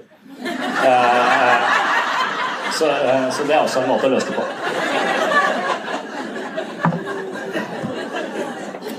Ja. Uh, det der det er Sally AD. Hun syns jeg er interessant. Hun er journalist for New Scientist. Eh, og hun eh, fikk lov til å, prøve Nå, nå, forlater vi dette med valg, eh, valg litt. vi kommer tilbake til dette, dette med valg, men, men litt, litt, nytt tema. For denne tvilen, denne ideen gjorde jeg det riktig, gjorde det ikke riktig, denne stemmen som hele tiden går og snakker til oss Noen mener at den eh, sier sånn mellom 40 000 og 80 000 ting i løpet av dagen. Du får ikke med oss alt. ikke sant? 95 av det som foregår her inne, er ubevisst. Men vi har hele tiden en stemme som går og snakker til oss, og eventuelt tviler eller ikke tviler. Og det er denne stemmen som også tillegger ting verdi, eller tillegger ting følelse av at de er mislykka eller ikke, eh, eh, ikke fortjener å uh, ha det bra osv. Så, videre. så denne stemmen, denne indre stemmen dikterer veldig mye av, eh, av livet vårt. Det er en sånn idé i, i, psykologi, det også, kognitiv psykologi spesielt, mener at det er eh, tankene våre som går gjennom hodet hele tiden, som er med på å på en måte diktere veldig mye av livsførselen og følelsen vi har for oss selv og livet og andre mennesker. Eh, så denne stemmen den hører ikke så mye etter, så den kan egentlig gå på autopilot og repetere seg selv. og Hvis den er negativ, så kan det være vi får et ganske kjipt liv, men hvis den er positiv og glad, så har vi kanskje et bedre, eh, et bedre liv. Og, og, det som er interessant med Sally eh, AD, som heter eh, Superwoman, hun eh, er journalist. Hun fikk lov til å komme til en, eh, en sånn militærbase i, i USA, hvor de har utvikla en hjelm, som jeg er også veldig interessert i. En, en en hjelm som eh, de bruker for å drepe folk, egentlig. Uh, og Hun er den første som skulle få lov til å prøve den hjelmen. og det hun får prøve da er at Først så får hun uten hjelm. Hun sier her inne har vi et rom på, litt på størrelse med dette her. her. Dette er simulatoren vår. Her inne skal du få et maskingevær, og det kommer til å komme folk og angripe deg. Og Hun står inne i simulatoren uh, uten hjelmen, og, og, og, det kommer en IS-soldat der. Det kommer en IS-soldat der, det dukker opp fra overalt. Hun skyter rundt seg uh, helt vilt. Hun blir stressa, rifla, kjører seg fast, og, og, til slutt så bare legger hun seg ned og begynner å gråte. Hun klarer ikke, men hun må bare ut. Hun får, ikke, hun, får det ikke, til. Hun, hun, blir kjemperedd på en måte inni denne sim simulatoren, selv om hun vet det er en simulator. Men så får hun lov til å prøve den samme simulatoren med hjelmen. Eh, og eh, når hun da kommer ut igjen, så spør de eh, disse folka ja, hvor lenge tror du du var der inne. Og sier hun nei, kanskje et minutt. Nei, du var der i 20 minutter. Ja, hvor mange klarte jeg? sa Du klarte alle, sa de. Så med den hjelmen så drepte hun alle IS-soldatene, så hun ble veldig god til å drepe. Men det er ikke poenget med den hjelmen. Spørsmålet er hva gjør den hjelmen? Og det noen på en måte, Det disse forskerne mener, og det er på et veldig tidlig stadium, er at den på en måte eh, roer ned det narrativet selve. Den roer ned denne stemmen som forteller oss ting hele tiden. Og det hun sier når hun kommer ut fra denne simulatoren, og, senere i denne artikkelen hun skriver eh, om det, er at det, eneste jeg har ønska meg siden, det er å komme tilbake og få på meg denne hjelmen. For å være meg uten denne kritiske stemmen som går inn og får du ikke til, det går sikkert ikke bra, han liker deg sikkert ikke, nei, det, altså, Denne stemmen som hele tiden snakker til oss, Uten den så var hun til stede i øyeblikket, og hun kunne gjøre akkurat det hun, uh, hun skulle. I dette tilfellet drepe folk. Uh, det, hun syntes ikke det var så stas, men hvis hun bare kunne hatt på seg den hjelmen i livet sitt og bare vært rolig uten dette, uh, denne negative selvkritikken som hun hele tiden går med oppi, oppi hodet sitt, så hadde hun på en måte følt en helt annen det, det, det var det beste hun har opplevd. Det kan jeg forstå. Det tror jeg er litt det vi driver med i, når vi driver med mindfulness. på en måte. Vi prøver på sett og vis å hvile som en observatør til vårt indre liv. Og disse tankene hele tiden kommer og går, kommer og går. Vi kan ikke kontrollere det. Så kan vi prøve å ikke tenke på noe. Det går ikke. Det sier noe, bare stopp og tenk. Så, så, liksom, tanker de presser seg på uansett. De dikterer livet vårt mye mer enn de, eh, enn de, de skulle tro. Og dette narrativet selve det driver og lyver til oss om hvem vi er, avhengig av hva folk har fortalt oss om hva vi er gjennom oppveksten osv. Hele utviklingspsykologien handler om hvordan vi skrur sammen, hvordan det narrativet selve eh, eh, blir til. Eh, og det er tilknyttet til utrolig mange teorier som forteller oss eh, varianter om hvordan dette indre maskinen, som på en måte dikterer alle våre opplevelser av livet senere, er, er, er skrudd sammen. Og, og, Problemet med denne, denne, narrative stemmen er at den er ikke sann. Den, den, den bare lager fortellinger om hvem vi, hvem vi, er. og Et eksempel på det er, et, et, dommer i Israel tror jeg, eh, som det er forsket på her. Og, og her viser det seg at, eh, at folk kommer inn eh, og skal få vurdert om de skal få prøveløslatelse. Det er folk som sitter i fengsel som skal få vurdert å komme på prøveløslatelse i en periode. Eh, og, og, da er det eh, helt tydelig at eh, hvis du får opp saken din på morgenen, så er sjansen for å få prøveløslatelse 60% større enn hvis du får saken din opp rett før lunsj. Og, og, I sånne sosialpsykologiske eksperimenter så pleier disse resultatene å være veldig sånn snevre. Men her er det himmelropende stor forskjell på om når du får opp saken din på døgnet. Og da er spørsmålet Dommerne skal gjøre en objektiv vurdering om du har eh, på en måte tilfredsstilt de krav som til for å få prøveløslatelse, men det som påvirker hele greia, er blodsukkeret til dommeren. Uh, hvis du kommer rett før lunsj, er de sultne gretne, og uh, de dømmer mye mer negativt enn de gjorde tidligere uh, på dagen. Og det interessante er, Hvis du spør dem om hvorfor, så lager de en fortelling på hvorfor det er sånn. De lager en rasjonell forklaring på hvorfor det er sånn. Så det narrativet selve de lager denne forklaringen på hvorfor de dømmer sånn som de, de gjør. Mens når man ser på resultatene, at det er helt forskjell tidlig på, på høyt og lavt blodsukker, så, det, det, vet de jo ikke, ikke sant? men det narrativet selve legger inn den informasjonen vi selv mangler. Og sånn gjør vi veldig mye i, i livet vårt. Um, en som heter en podkast jeg anbefaler, som heter uh, Very Bad Wizards. Uh, som er uh, en som heter David Pizarro, blant annet, som, som står for. Han er psykolog, og han, han har forsket mye på disgust. Og Det er sånn, sånn situasjon Folk skrur sammen forskjellige forklaringer på, uh, på, hvorfor de har gjort sånn som de, de, gjør. Det narrativet selv kommer inn og lager fyller de hullene som selv ikke vet hvorfor vi, vi handler sånn som vi uh, gjør. Og Når det gjelder dette med valg igjen her, da, så er det stortingsvalg. Uh, der, der, viser det seg at, han, at hvis vi føler vemmelse eller disgust, så blir vi mer konservative. Eh, vi svarer mer Politiske holdninger blir mer konservative når eh, vi er under en, eh, på en eller annen måte et stimuli som vi vemmes av. Og måten de har sjekket dette på, Det er mange studier de har gjort på det, men de prøvde bl.a. å gi folk et spørreskjema, langt spørreskjema om hva de mente om, om politikk. Og De svarte på dette sånn slags valgomat, var mye mer eh, omfattende. Og så fikk de dette spørreskjemaet i et rom som lukta blomster. To måneder seinere fikk de det samme spørreskjemaet, men da i et rom som lukta søppel. Og da var det stor forskjell på hvordan de svarte. De var blitt mye mer eh, eh konservative. Så da lurer jeg på hvordan det lukter når Sylvi Listhaug og disse her får makt. Um, um, om det har noe med lukta uh, å gjøre. Uh, og, Men dette, dette, ikke, dette, kan ikke forklare noe som helst. Men bare tenk på de dommerne. Hvis blodsukkeret påvirker avgjørelsen, hva annet kan ikke påvirke som de ikke vet om? Hva med hudfarge? Hva med kjønn?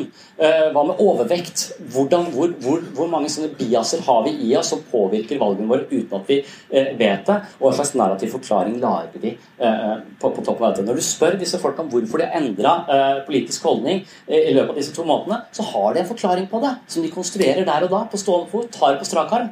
Eh, eh, og det er dette narrativet selve. Og dette narrativet selv det er en, ting hvordan du begrunner eh, de politiske eh, holdningene dine, men en annen er hvordan du begrunner din egen verdi som menneske. og Det er det jeg jobber, eh, jobber mye med. Altså, jeg, jeg, jeg, jobber med mennesker som på en måte har stemmer som forteller at de, er, de ikke er gode nok. De har kanskje vokst opp med folk som har ledd av de, har blitt mobba på skolen. De har fått en idé om at de er ikke like gode som andre. De har blitt en Tidligere var det noen andre som sa det. Nå har det blitt deres egen stemme. En slags eh, indre eh, på en måte monolog som går og forteller deg at du må stille deg bakerst i køen. Du er ikke like verdifull som andre. Og på en måte så, så, så lever de etter dette. De, denne programvaren, kan man si, disse algoritmene som forteller dem om hvem de er, som har blitt installert av uh, erfaringer de har gjort seg gjennom, uh, gjennom livet, får lov til å diktere uh, livet deres. Sånn at de på en eller annen måte, hver gang det kommer en utfordring de kanskje kunne tatt livet til helt nye nye muligheter og, og, og gode veier, så, så, tenker jeg nei, det får jeg ikke til likevel, så jeg, så jeg trekker meg unna. Så følelse, idé om at jeg, jeg, så, jeg, får det ikke til, så jeg, tror, så jeg tror jeg trekker meg unna. Og det er denne stemmen her sånn, det er denne stemmen som forteller oss uh, hvem vi er og hvor, hva slags verdi vi har, uh, som psykologien er litt opptatt av å komme til livs. og mye av det som det, det, handler om hos oss, er jo da å bevisstgjøre denne stemmen. Det er å bevisstgjøre den fortellingen du har om deg selv og ditt liv. Og hvorvidt den stemmer, kan du fortelle alternative eh, fortellinger om din verdi som menneske. Eh, veldig mange mennesker forteller, eh, har en narrativ inni hodet sitt som sier at de er verdifulle hvis jeg presterer eh, veldig bra. Eh, så min selvfølelse er avhengig av mine prestasjoner. Presterer jeg dårlig, så har jeg lav verdi som menneske. Presterer jeg bra, så har jeg høy verdi som menneske. Noen har dette kobla til humøret sitt. Jeg har god selvfølelse hvis jeg er i godt humør. Dårlig selvfølelse hvis jeg er i dårlig humør. Da vil jo selvfølelsen din svinge eh, eh, like mye som børsen, på en måte. Så din verdi som menneske bør på en måte være fritatt alle disse mentale bevegelsene som foregår eh, her inne. Og Psykologiens vesen handler om nettopp dette å hvile og beskrive seg selv. Se disse eh, fortellingene, se tankene som kommer eh, og går, og ikke bare gå på autopilot. Så selvutvikling, sånn jeg forstår det, handler om å ikke gå på, eh, på autopilot og finne ut av hva er det som, som, forteller meg hva som har verdi og ikke verdi i mitt liv. Være mer bevisst denne, denne prosessen. Og da kan man jo på en måte eh, også og, og, når det gjelder da lykke, så tenker jeg at lykke kommer da på i hvilken grad er vi i stand til å tilskrive ting verdi for oss. Eh, de som er gode på det, de, de som, de som istedenfor å bare la disse narrativene gå på autopilot uten å ta stilling til det, de kan kanskje lage sin egen narrativ. Så hvis vi ser på TV, kanskje vi kan lage vårt eget program. Sånn at vi kan lage et program som gir livet eh, Vi kan lage de programmene vi ønsker. Vi er ikke bare en passiv mottaker av de programmene som kommer, sånn som et TV er. Og Der skiller vi oss fra TV-en. Vi kan lage våre egne uh, programmer. Og rent sånn konkret så tenker jeg nå er jeg eh, blitt småbarnspappa eh, på nytt. Liksom. Nå har jeg en datter som er snart ett år, og så har jeg to andre barn som er litt eldre. det var liksom så å rykke tilbake til start. Og, og, nå skulle hun øh, skal vende sammen med puppen igjen. Det husker jeg fra før. Jeg husker det som et mareritt. Da var det jeg som skal sove sammen med henne, og hun våkner hele tiden. Og vi har pupp, jeg har ikke, hun blir skuffa. Eh, jeg har lyst til å sove, hun har lyst til å skrike. Og vi er i en slags er i en kamp med øyeblikket. Men da tenkte jeg litt på dette. Hvordan skal jeg klare å ikke på en måte krangle med dette øyeblikket? Hvordan skal jeg klare å ikke på en måte bli så sur og irritert? Og, så som, øh, og da tenkte jeg jeg må skrive en eller annen fortelling om hva som skjer på natta her. Og, og hvis jeg står helt fritt til å lage hvilken som helst fortelling, så kan jeg få lage en fortelling som er hyggelig. Så jeg begynte å finne ut at ja, på natta Hun og jeg liker å høre på Leonard Cohen. Jeg er ikke så glad i Leonard Cohen, han synger han med mørke, rolige stemmen, så det blir hun rolig av. Så, øh, og Da likte jeg den nye plata, og det er også en eksponering for døden, øh, følte jeg. Øh, for det er hvordan visste han skulle dø, og det er uh, You Want It Darker. Uh, vi står i et mørkt rom, hører på You Want It Darker, og jeg føler og skriver det en verdi. Det er stille, det er rolig uh, musikk. Jeg holder henne her, og hun lukter godt. Dette er en fantastisk fin stund. Det er den narrativen jeg har laget om dette å være oppe på natta. Og jeg klager ikke på det, eh, sånn som jeg gjorde før. Først jeg klager på at jeg var oppe på natta hele tiden. Snakka om dette alle. Eh, jeg har lagt merke til at jeg klager ikke på søvnmangel i like stor grad som jeg gjorde på de to eh, første. For jeg tror jeg har skrevet en fortelling om dette som noe fint, istedenfor å ha dette som noe som skulle vært annerledes. Er det dette narrativet selve hele tiden det skal ha oss fram. Det, det, det vil ikke være der det er nå. Dette er ikke bra nok. Jeg vil at det skal være annerledes. Så for å akseptere øyeblikket, så blir vi ofte dratt framover i tid og bekymrer oss for det som kommer til å skje, eller vi blir dratt bakover i tid og uh, er bitre for det som har skjedd. Uh, og sånn er vi ikke på en måte til stede i, uh, i livet vårt. Og Det er jo denne østlige inspirerte psykologien opptatt av. Mindfulness-tradisjonen er at vi går glipp av livet vårt pga. den skvaldrende selve som, som hele tiden forstyrrer oss. Og målet i mye meditasjon er å hvile i seg selv som observatør til dette, litt fritatt fra alt dette mentale støyet som foregår inni oss. Og da viser det rent sånn Fysisk sett så er det da mer aktivitet i prefrontalt cortex. Det er her oppe vi har oversikten, og ikke på en måte er fanga av livet vårt. Den vestlige psykologien den lager fortelling til dette. Det handler om å beskrive seg selv. fordi det jeg beskriver meg selv, så er jeg ikke lenger fanget av meg selv. Jeg kan si at Før så var jeg sånn og sånn. Før så var Jeg sånn og sånn. Jeg beskriver varianter av meg selv som ikke lenger eksisterer fordi jeg oppdaget det og endret det. Så, så, det å være på en måte beskrive en følelse da ser jeg følelsen istedenfor å være fanget av følelsen. Når jeg er fanget av følelsen, så er det hjertebank og vondt i magen og, øh, til fastlegen. Når jeg ser følelsen, kan jeg gi meg et språk og løfte den opp fra på en måte kropp til, øh, til innsikt. Meditasjon er det noe av det samme prosjektet, men vi skal ikke beskrive et ikke-intellektuelt prosjekt. Det handler bare om å hvile som en ikke-dømmende Eh, på en måte observatør til det som foregår i bevissthetens teater, kan man, eh, eh, kan man si. Og ikke dømme det. Med en gang du dømmer en tanke, så ja, det må jeg huske på å gjøre, så er det på en måte på livets berg-og-dal-bane, og det blir de for hjerteinfarkt. av. Det er den korte, korte varianten. Positiv psykologien har også vært inne på dette med fortolkningsstil. Martin Selingmann der, der, oppe handler igjen om hvordan vi bruker hodet. Jeg vet ikke, Har vi litt liten tid nå, kanskje? Ja. Fortolknings... Ja, Martin Seligman er grunnleggende den positive psykologien, som folk kan være litt sånn Si at ja, det handler bare om å fortrenge det negative og, og bøye av det positive. Uh, på en måte, men, men, det er ikke helt det. Det handler uh, igjen om å være mer bevisst hvordan vi tolker oss selv og, og, og, livet. Og En av de studiene han gjorde, det var på telefonselgere. For det er en ganske slitsomt jobb åpenbart å bli avvist sånn 30 ganger i løpet av dagen. Og det er noe av det mennesket tåler dårligst, det er å bli bli avvist. Eh, og når du da er telefonselger, så setter du deg i en situasjon hvor du blir kronisk avvist. I hvert fall sånn som meg, som er livredd for å endre på noe som helst, for det gir meg et nytt valg. og da må jeg sikkert gjøre noe i en nettportal som jeg ikke har koden til, og så klikker det for meg. Uh, så, uh, så, jeg sier nei uansett hvor mye jeg kan tjene på det. Uh, men han eh, tenker at her er det, det er noen få altså Disse firmaene som drev med telefonsalg, de var frustrerte, for de fikk nye medarbeidere. De brukte masse penger og ressurser på å trene opp, og så holdt de i tre uker, og så slutta de. Eh, eh, og det han mente var at Istedenfor å se på CV-en til folk, hva slags utdannelse de har, så vil han eh, plukke folk avhengig av fortolkningsstil. Han mener det da fantes to forskjellige fortolkningsstiler. Noen fortolker nederlag som om vi trente ikke nok, de var ikke interesserte. Altså de, de tolker det, det har ikke med dem, så det har ikke med essensen av dem å gjøre. Det har med utenforliggende faktorer. De som fortolker ting på den måten, de takler nederlag mye bedre. De som eh, derimot har en mer sånn intern fortolkningsstil, de tenker at det er pga. at jeg ikke er god nok. på grunn av at jeg ikke er god nok. Så de, tar, de, de korrelerer altså det nederlaget med sin egen verdi som mennesker, og de blir utbrent etter, eh, etter tre eh, uker.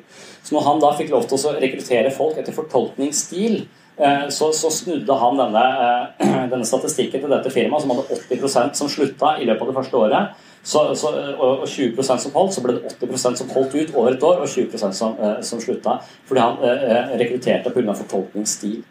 Eh, Og igjen, sant? De, det, dette er jo så Psykologien startet med denne ideen her sånn hos William James at vi kan endre livet vårt for å endre holdning. Det er den største oppdagelsen i min tid, sa William James på, slutten av, av 1800-tallet. Så måten vi bruker hodet vårt på, vil eh, være veldig avgjørende for hvordan vi lever livet og opplever eh, livet. Det handler ikke om hva vi gjør der ute og har spisse albuer, det handler om hvordan vi bruker det som er her inne.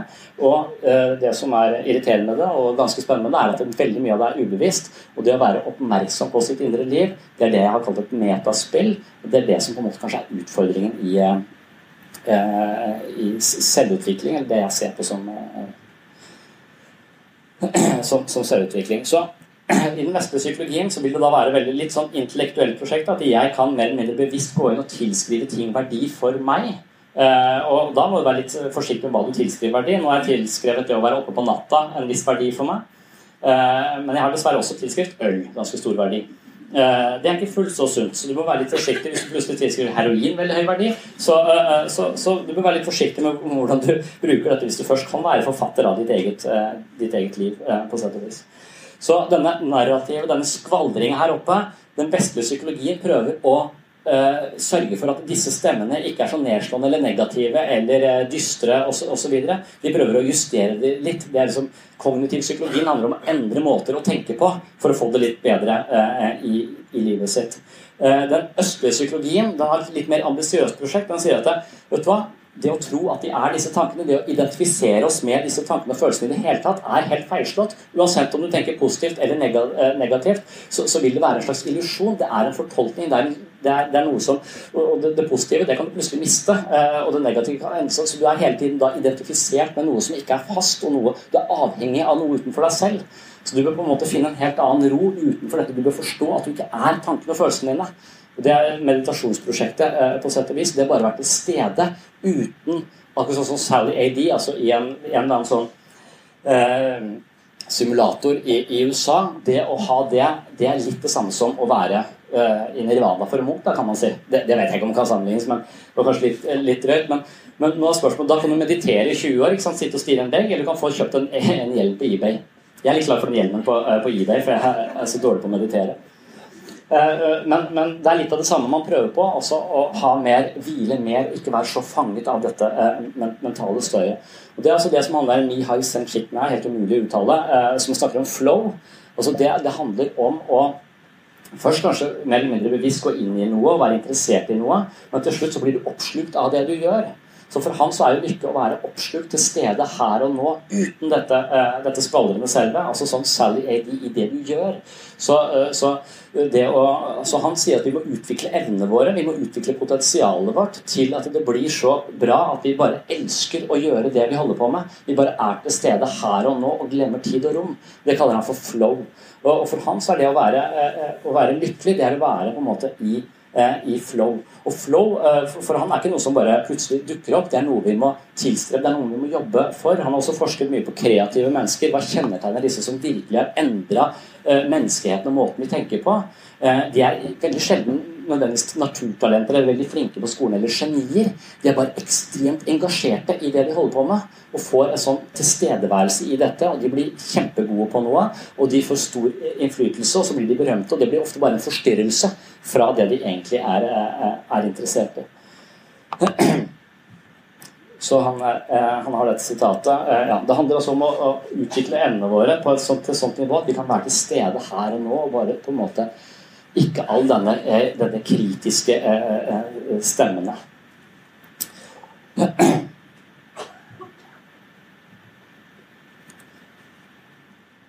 Så To varianter da, tenker jeg, av å være lykkelig. Du kan på en måte få mer kontroll over det som definerer ting som bra eller dårlig for deg. Du kan få mer kontroll, du kan tåle flere følelser. Du kan bruke, Istedenfor å bruke mye energi på å unngå å flykte fra følelsene, kan du bruke følelsene som et slags kompass i livet. Du kan tåle mer Livet kan få flere farger. Du kan tåle mer sorg og mer glede. Eh, død tror jeg aldri jeg kommer til å tåle. Eh, eh, og, og, og, du kan på en måte endre litt av dette. Du kan være litt mer bevisst hva dette narrativet selv driver og ljuger til deg om hele tiden. Og når du vet at det til en viss grad lyver, sånn som du gjør til dommerne sånn som Det hele tiden, det vi tror om oss selv, er ikke nødvendigvis uh, skrevet i stein. altså Det er veldig løselige uh, forklaringer på noe vi ikke uh, egentlig har peiling på, men vi tror på det.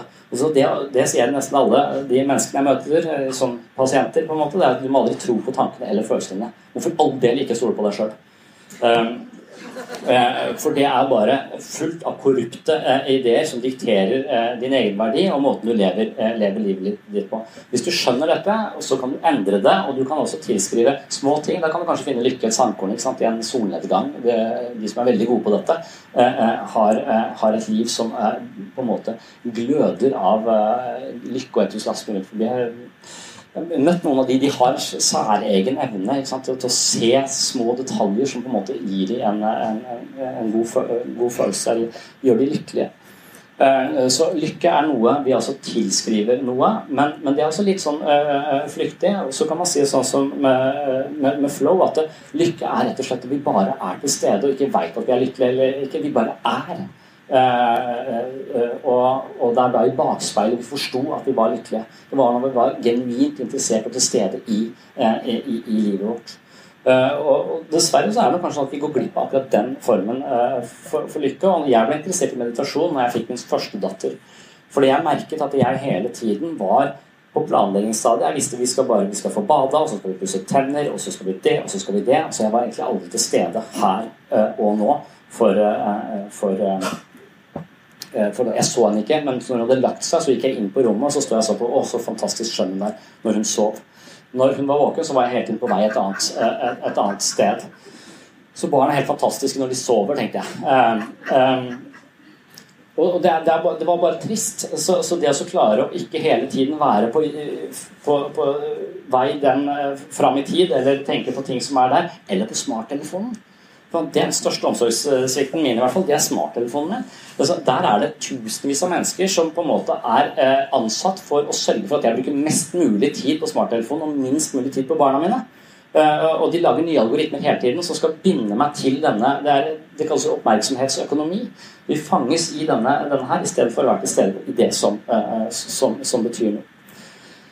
Så det er mine to varianter av, eh, av lykke. altså til Genuin tilstedeværelse her og nå. Da veit du ikke at du er lykkelig før, før, du kommer ut av det. Uh, og du kan kanskje ta mer kontroll på hvordan du tenker om deg selv.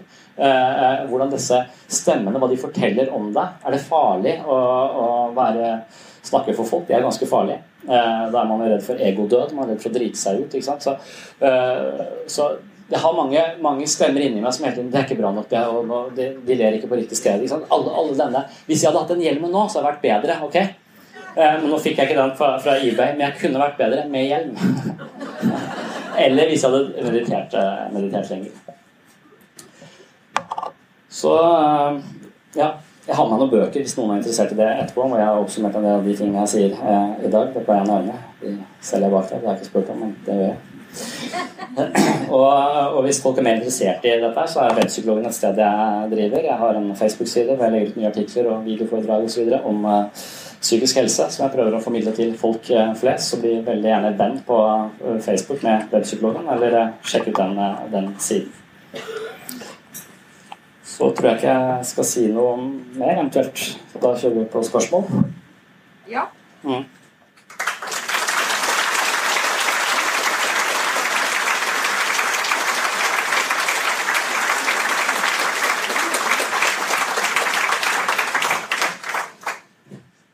Er det noen som har noe de vil spørre om? Kommentere? Så har jeg en mikrofon her.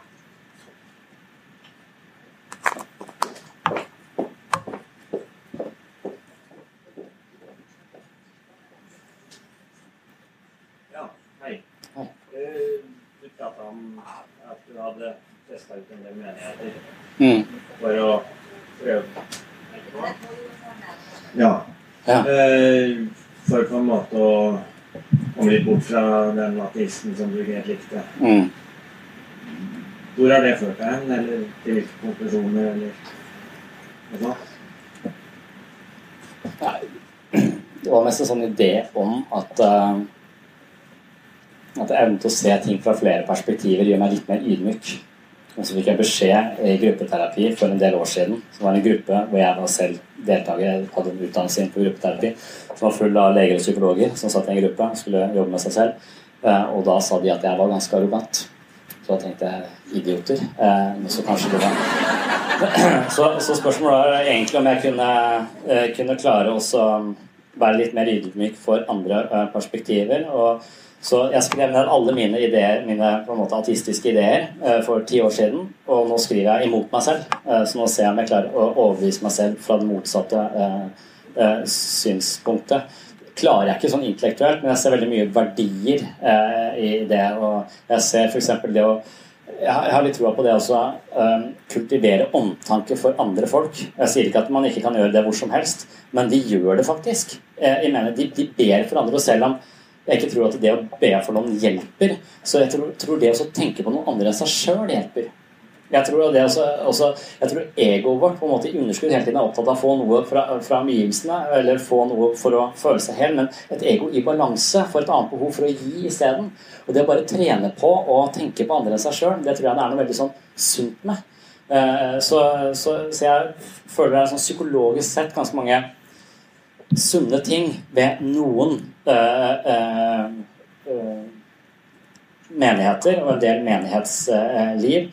Og, det er ikke dermed sagt at jeg også er eh, full av motforestillinger mot masse av dogmene og alt, eh, alt det der. Det er altså litt interessert i sånn, hva alle disse dogmene ellers oppegående, fornuftige mennesker eh, som har disse ideene om homofili, eh, f.eks. Hva, hva skyldes det? Det er det jeg og han pastoren diskuterer annenhver mandag. Det vi skal, skal bli en podkast som heter 'Pastoren og psykologen'. Eh, så vi skal diskutere disse, disse tingene. Jeg har jeg har funnet en, hvert fall en arena for metaspill da, i disse menighetene. Det er ikke bare å repetere eh, ting hver søndag. Og det, det, det har en, en, en dybde som kanskje mangler på en del andre arenaer. Så jeg vet ikke om det, hvor det har ført meg. Jeg, disse tingene som er vanskelig for meg, er fri vilje. Det naturalistiske som Sam Harris-aktig. Det har ikke noe fri vilje. Det får jeg ikke helt Det er ikke intuitivt for meg i det hele tatt. Eh, og så er spørsmålet om jeg kobler inn en Gud da, for å ha noe fri vilje i det hele tatt. Eh, ondskapens problem og alle disse tingene eh, som jeg snakker med han om, som jeg er amatør på, da, men, eh, men eh, interessert i. Jeg syns det har veldig mange sånne psykologiske aspekter ved seg også. Eh, Jeg har alltid tenkt at det å tro bare er en buffer mot eh, dødsangst, og det er feigt på, eh, på en måte. Nå er jeg feig så, eh, og redd, så jeg tar jo eh, hva det være, men jeg har foreløpig vanskeligheter med eh, Og jeg skulle gjerne vært der og hørt Anders Torp eh, i, går, for det, jeg har lest boka hans, så, så er ikke dermed sagt veldig mye skadelig også som foregår inn- innenfor det. Ja.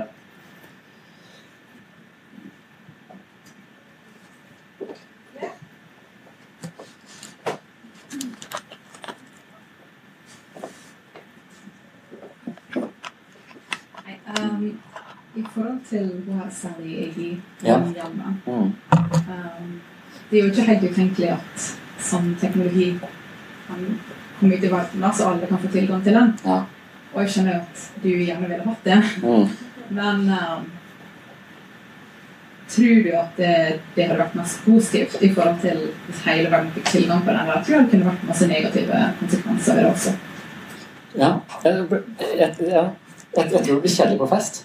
For, For alt det som på en måte er gøy med meg, alt jeg forteller folk, det er jo når jeg driter meg ut og gjort ting som var dumt. Eh, og hvis jeg da skulle få en hjem som gjorde at jeg ikke gjorde noen dumme ting, og hele tiden var på mitt beste jeg, så hadde jeg blitt eh, ganske kjip, tror jeg. Eller litt sånn eh, eh enspora. Hvis hele verden skulle være Jeg kunne godt hatt hjelmen, men andre hadde ikke tenkt å ha den hjelmen.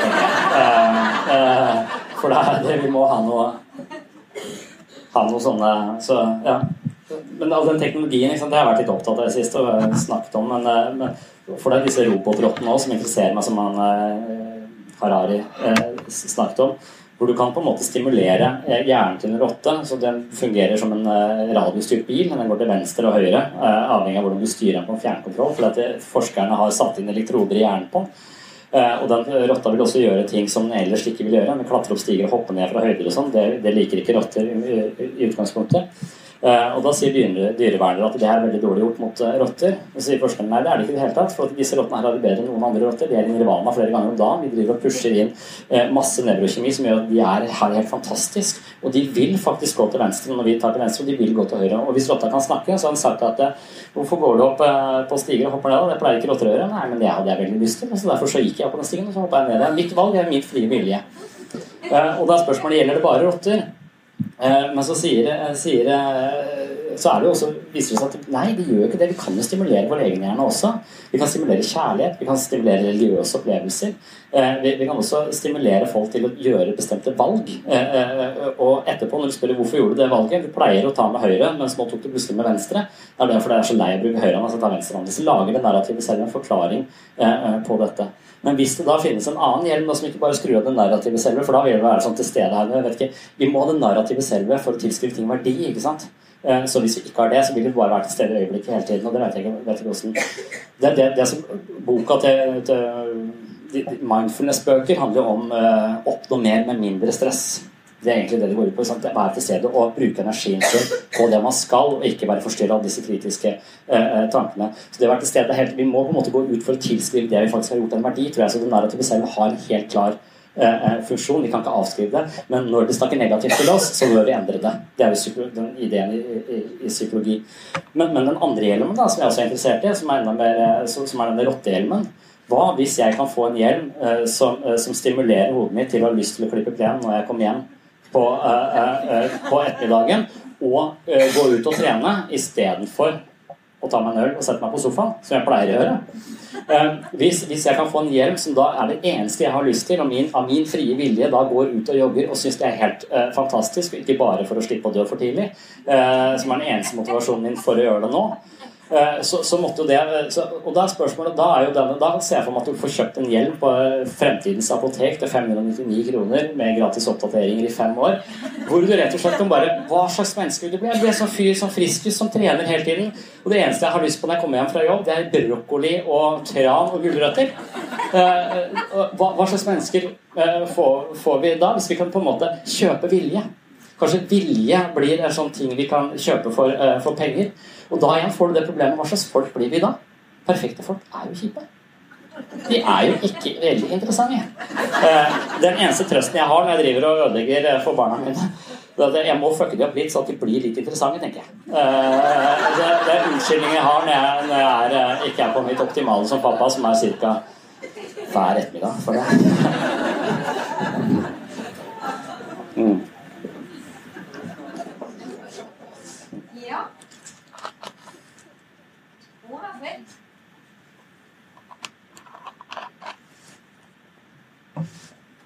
Ingen flere spørsmål?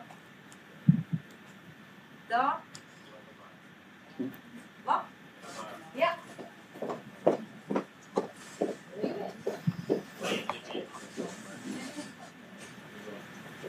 Yes. Angående disse meterspillene, Mm. har du vært borti sånn endelige og uendelige spill? Nei. Det? Nei. Det er noe relatert litt til dette om at Ja. eh, endelige spill er noe vi burde holde oss unna. Okay. Det er litt det der med at eh, livet liksom sånn Når livet er ferdig, så er vi ferdig med å spille. Ja. Men uendelig spill, det der handler det om Uendelig spill, Mm. det handler om å fortsette spillet. Mm. Endelig spill handler om å vinne. Ja. Så hvilke spill er det vi skal spille i uendelige? Det som ikke handler om å vinne? Det uendelige. For Ja. de har lyst til å fortsette å leve. Mm. Fortsette å spille. Mm. Vi har ikke lyst til å vinne når livet er ferdig. Nei. Det er, det er er mer den der religiøse metaspillet kanskje på nytt. Ja. og vinne når livet er slutt. Ah, og det gir mening. Det syns jeg gir mening. Og derfor, og hvis du hører han Ole Jeg traff han Ole Martin Moen. Han, det, han, det var fascinerende. Han er transhumanist. eh, Og, og når de diskuterer døden, da, dette endeligheten, altså når spillet er, er, er ferdig, så, så er det mange som sier at ja, det er det som gir livet mening. At det er, har en begynnelse og har en slutt. Det skal liksom være sånn skal hjelpe meg med dødsangsten min og, og, og fortelle meg det. Men, men for meg så gir ikke det nødvendigvis og det, det var Ole Martin Moen sa selv om hvis det, et uendelig liv er meningsløst, så blir det meningsfullt hvis du forkorter det samme livet. Han forstår ikke helt logikken i, i det. Så, så endelige og uendelige, eh, uendelige spill. Det er en ny sekt som jeg har oppdaget akkurat. Det er transhumanisme. Eh, de som skal leve eh, evig. Jeg vet ikke, jeg har ikke vært nok borti det. Man bare eh, traff han, og jeg tenkte, Da satt jeg og snakket med han og en religiøs person, som, hvor de har jo en lovnad om hva som skal skje når jeg dør, det, men det har jeg problemer med å tro på. Mens eh, Ole Martin Moen er med på at eh, nanoteknologi og CRISPR-teknologi og alt sånt skal gi oss Vi skal på en måte bekjempe alderdom da, som en sykdom og kan potensielt sett leve så lenge vi, eh, lenge vi vil. Det er veldig sånn tiltalende tanke for meg som er redd for å dø. Ja.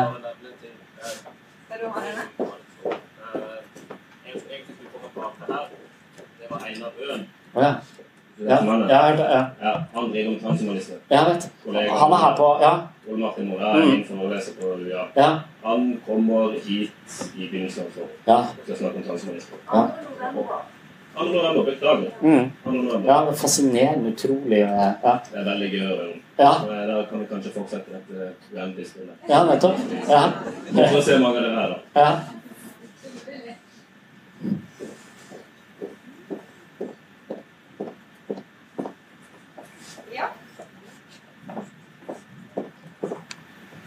Eh, Jeg er litt opptatt av barn og unges psykiske helse.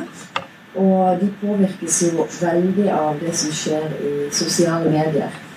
Eh, Hvordan påvirkes det, det her narrativet selve?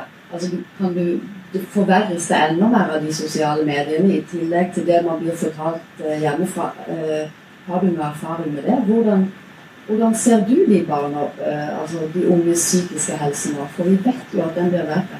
Hva kan det være? Mm. Ja.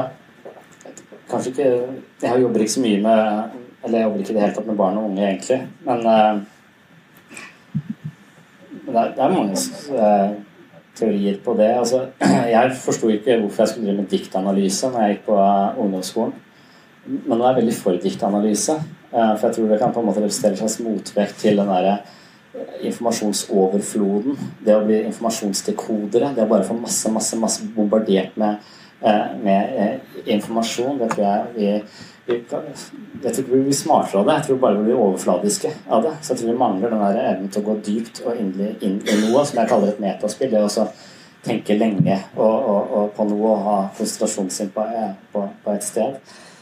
Så jeg vet ikke Det er masse mobbeaspekter, og, og det også hele tiden skulle konstruere seg selv og ha en sånn, sånn fasade. Eh, Altså, det, det må også være Det er det man driver med når man er ung. da. Eh, Altså, først er vi veldig opptatt av å ha uh, trygghet hos foreldrene, men så blir andre det sosiale, det å føle seg som del av et fellesskap, er veldig veldig viktig. Og når ting forandrer seg hele tiden på innsiden, så kan du ikke hvile der. Så da er, man veldig opptatt av bekreftelser utenfra eh, seg selv. Og da har det også blitt en helt ny mulighet for å få bekreftelser, helt annerledes enn det var, var før. Men dette husker jeg som min, også, min opplegg, sånn, eller min ungdomstid var ganske sånn panisk. Jeg, jeg var sånn sosial narkoman for at jeg måtte være sammen med noen hele tiden for, for en følelse av å få bekreftelse på hvem jeg var, før jeg på en måte til slutt klarte å lande.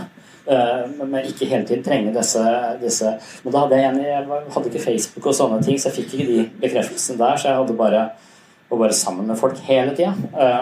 Så, mens nå kan man jo få de fra alle kanaler. Man blir bombardert eh, med de, og man kan hele tiden endre dette. Og det spørs om ikke de får en sånn overfladisk fokus. Altså. At det å endre profilbilde eller eh, kropp eller eh, et eller annet det, det blir et uh, veldig slitsomt prosjekt hvor du ikke lenger Du blir aldri fri. altså Du blir, vil ikke deg selv, du blir avhengig av noe utenfor deg selv, som alltid er en dårlig idé. altså Hvis, jeg, hvis min selvfølelse er kobla til prestasjonene mine, eller utseendet mitt, eller musklene mine, eller uh, hvor høyt dere klapper, eller, eller noe sånt noe, så, så, er jeg litt sånn narkoman. Jeg trenger noe utenfor meg selv for å, være, for å bli hel. Og det er aldri noe særlig bra. Selv om, selv om heroin føles godt, så er det bra for meg. Eh, så hvis jeg kan på en måte være uavhengig av alle disse eh, tilbakemeldingene ute, så, så, tror jeg det er et modent menneske. Det er et, eh, et, menneske som på en måte hviler i seg selv og ikke trenger alt dette. Det tror jeg også er mye mer å gi til andre. Så jeg tror det jaget etter oppmerksomhet og bekreftelser utenfra kan, kan, bli en slags besettelse som kan gå på bekostning av en annen dybde. Som er et sånt diffust begrep, kanskje, men jeg vet ikke. Jeg vil tenke, tenke det. Så jeg syns at folk skal drive og jokke på Ivar Aasen og, og, og, forskjellige diktere lenge til. Altså bare virkelig bare tvinges til å lese de fire store og om og om igjen. og og lære seg nynorsk og alt mulig.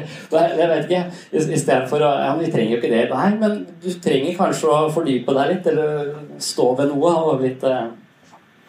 Og det igjen, der har religion har tusen år lange tradisjoner. ikke sant? Så du kan lese Jobbs bok om og om og om igjen og ikke forstå dritt av så forstår du kanskje litt, og så gir litt mening. Eh, så det er noe med å lese Bibelen også. Det er noe med å ha én bok som du leser hele, eh, hele tida, istedenfor å ha et hav av bøker du ikke har lest. Eh, så, så, så jeg, jeg, jeg, det er ikke eneste Vi trenger mye informasjon, er bra, men det er også ha tid til å gå litt, fordype seg litt også, ikke bare lese ingressen. Uh, og det tror jeg kanskje blir vanskeligere og vanskeligere. Jeg tror oppmerksomhetsspennet vårt også blir kortere og kortere. Sånn som Donald Trump klarer ikke å konsentrere seg mer enn i, i ca. tre sekunder. Men han er jo dement, da, så, uh, så han har jo den unnskyldningen. Men uh, Men barn bør kanskje trenes opp. Og det er noen som sier også at de, de er stimuli at det, Mindfulness er det motsatt. Det er oppmerksomhetstrening. Jeg kan styre min oppmerksomhet og gå dypt inn, inn i noe. Mens, eh, og det er en treningssak, det er en muskel. Mens når vi lever i en verden av duppeditter, så blir oppmerksomheten vår stjålet av noe som vi ikke har kontroll Så vi er på en måte, vi blir bare en ikke-dukke. Så et moderne menneske sjekker mobilen sin 150 ganger i løpet av døgnet. Uh, og da er, vi, da er oppmerksomhet, vår oppmerksomhet står Det er ikke jeg som nødvendigvis har har jo valgt det på en måte, men, men å, jeg har ikke kontroll på det. Oppmerksomheten min fanges av ting som glitrer, uh, istedenfor at jeg styrer det. Uh, og Det tror jeg også er uh, noe man skal være oppmerksom på. Uh, man må også trene på det og ha, gjøre ting selv. Kjede seg litt. Og det, liksom. mm.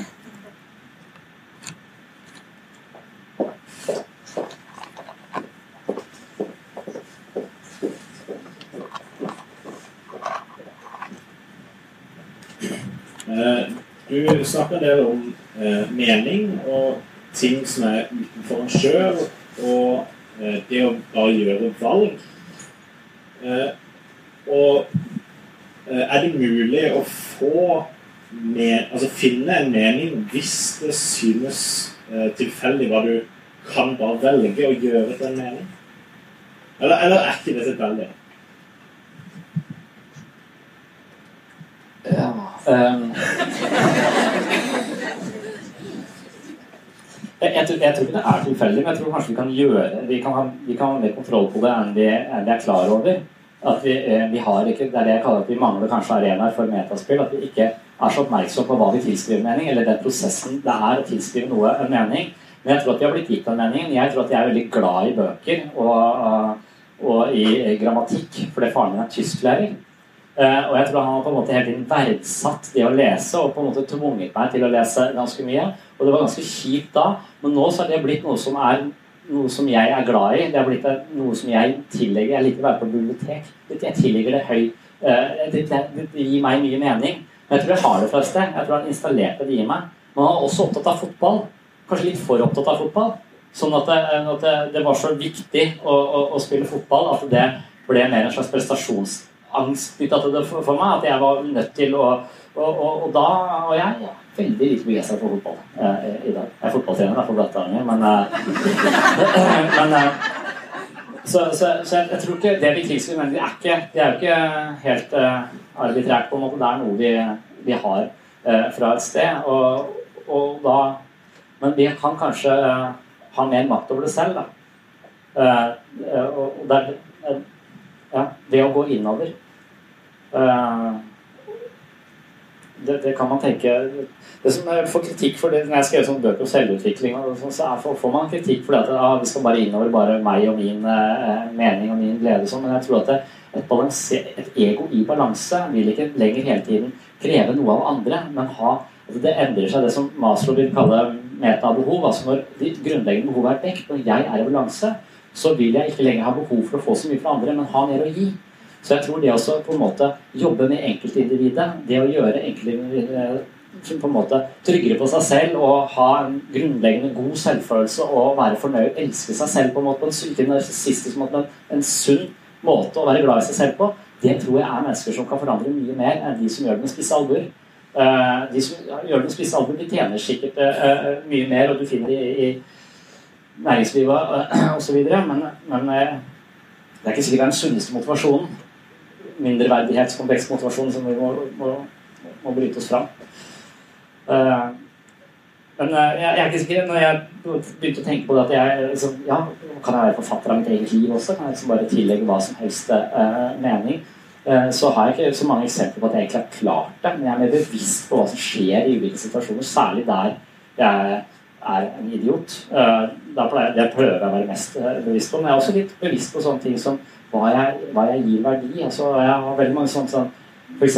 kjøpt alle David Bowie-platene. Har aldri vært begeistret for David Bowie. Noen ser et eller annet i den. Jeg hører og hører og hører på det. Se om jeg finner, åpner seg noe i hans musikk som kan bli mitt. Uh, vinsmaking også jeg vært veldig interessert. Men jeg sovner jo uh, før jeg får smakt. Uh, så det, det, å gå dypt inn i noe, at det kan åpne noen, noen nye ting som kan bli verdifullt.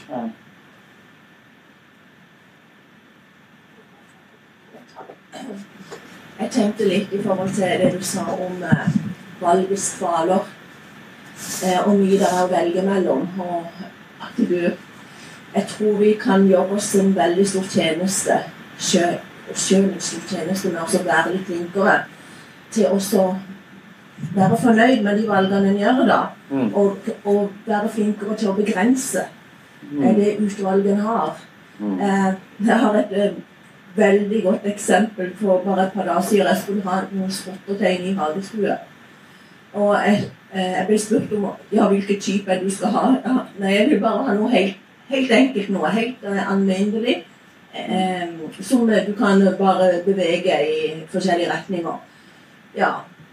Når jeg kom hjem fra jobb, så lå det fem kilo minst med kataloger på trappa mi. Og da tenkte jeg nei, dette her orker jeg ikke. Så, så det er liksom bare sånn at det, um, at det, det, blir så kolossalt mye uh, Og du bruker så mye tid på, mm. på disse, å gjøre de valgene. Mm. Um, og en annen ting det som jeg tenkte på, at uh, lykke Ja, um, lykke å være fornøyd, å være mer fornøyd med seg sjøl. Mm. Uh, og det er jo òg i forhold til hvilket yrke du velger å uh, at uh, de unge uh, de, altså Det blir jo fortalt at man kan uh, er fri til å bli hva du vil, og det er ingen som stopper deg. Du kan, ja, du kan bestemme sjøl og du blir. Mm. Men så er det det at um, blir vi sånn at vi er aldri fornøyd med den plassen vi har. Mm. At vi hele tida må videre. At vi, vi er ikke fornøyd med at uh, altså, Alle kan jo ikke bli eh, professorer. Alle kan jo ikke ha tre grader bachelor og, mm. og så videre. At vi, at vi kan være mer fornøyde med, mm. med, med det vi har. har. British Watch startet om upward comparison og downward. altså Vi sammenligner oss oppover eller nedover. Eh, noen mennesker sammenligner seg alltid oppover, og da vil de altså i forhold til andre ting. Og vi har så mye informasjon om hvordan andre lever, fordi vi ser det hele tiden på smarttelefonen vår. Så hvis vi sammenligner oss med andre som er bedre så vil vi alltid føle oss dårlige. Men man kan også ha det motsatte, at vi ser eh, lidelse og, og, faenskap i verden og føler oss takknemlige. Eh, så blir det downward comparison. Så, så det igjen kan vi velge litt hvordan vi, vi vil, vil, ha det med det. En av de tingene som, med, som undersøkt selvhjelpslitteraturen og prøvd det selv, så er det der med takknemlighetsøvelser, som er litt sånn teit, kanskje. Men det har gitt meg ganske mye å ha bevisst forhold til hva jeg er takknemlig for. Eh, og litt for det her igjen, jeg er det. Altså, hvis du er takknemlig og fornøyd, eh, så er det og, og har medfølelse med andre, så er det følelser som er assosiert med et langt liv. Mens det å være stressa og usikker, det er assosiert med hjerteinfarkt. Eh, så, så, det å være takknemlig og eh, sette pris på det man har, det er nok mye vanskeligere når du hele tiden har overflod av ting. Så barna mine får jo ting for de veit de trenger det. På en måte, de, de, de, behovet dukker ikke opp engang før det er dekt, tenker jeg litt. Det er min feil, men jeg vet ikke hvorfor jeg gjør det. så ja, det å være ordentlig takknemlig for, for, noe, det kan nok bli vår vane at vi blir bare sånn konsumenter som sitter der og ikke finner noe dybde i noen ting. Bare en overflod. Er ulykkelig i overflod. Det var det kjipeste stedet å være ulykkelig òg, for det er liksom ikke rett å være ulykkelig i overflod. Eh, for du har jo alt. Men det, jeg vet det landet som de er mest lykkelige, er Costa Rica. Eh, så de er et veldig bra land å bo i, men det er ikke noe av det lykkeligste. Ja, det viser vel uh, i forhold til selvskading blant unge, da. Det, det, er jo et paradoks i forhold til å le, leve i et av verdens beste land og alt dette der, og du kan velge, og du er fri og mm. Eh, men allikevel så er det jo så mange som ikke er um, lykkelige, da. Mm. Selvskading det har mange Jeg snakker med barn, jeg jobba litt med barn og unge en periode. da. Du snakker med barn og unge om det er forskjellige årsaker til at de skader seg selv. Men noen skader seg selv, har jeg inntrykk av, i påvente av den hjelmen eh, fra Ohio i USA. Altså at de, de, skader seg for det de er i den smerten, er til stede her og nå. Og de tenker ikke på alt det styret. Hvem eh, liker meg, hvem liker meg ikke. Altså, det er en måte å, å forankre seg på. Å være til stede her og nå ved å kutte seg eh, et sted og se på en måte Noen har i hvert fall beskrevet det til meg på den måten, så jeg tenker dette er litt som å meditere eller ha den hjelmen på deg. Du er til stede her og nå idet du skader deg. Mens noen gjør det fordi de hater seg selv og syns de er dårlige og skal straffe seg. Sånn, helt andre årsaker. Men jeg har også møtt de som på en måte er noe sånn meditativt ved det å, å, grunne seg selv nærmest i, i, i selskapet. Og da foreslår jeg jo Det er mer jenter som gjør det. Lurer på gutter onanerer i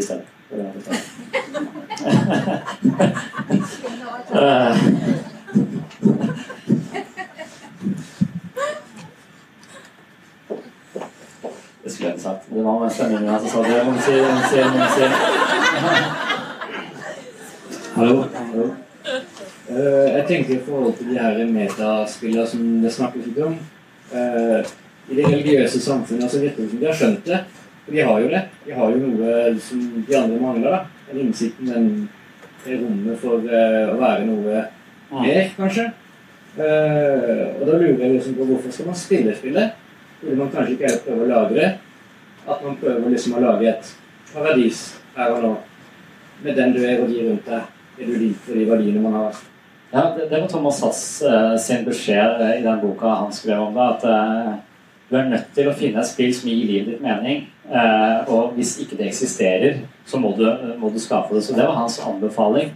Men det er ikke så lett. da, og Det noen, det jeg snakket med den gruppa på 20 Hva er deres metode? Kan vi finne på nye? Hva er, hva, hva konstituerer et godt meta, metaspill? Og, men det verste er jo å på en måte bli så sliten og trøtt av disse objektspillene at du bare slutter å spille helt, for det er apatien. Det er på en måte er, Apatien er kanskje det verste. Den likegyldigheten til livet vil være det verste. Det å hate livet er nesten bedre enn å være likegyldig til det. Hate, Da føler du for det. Da er du på en måte connecta til det.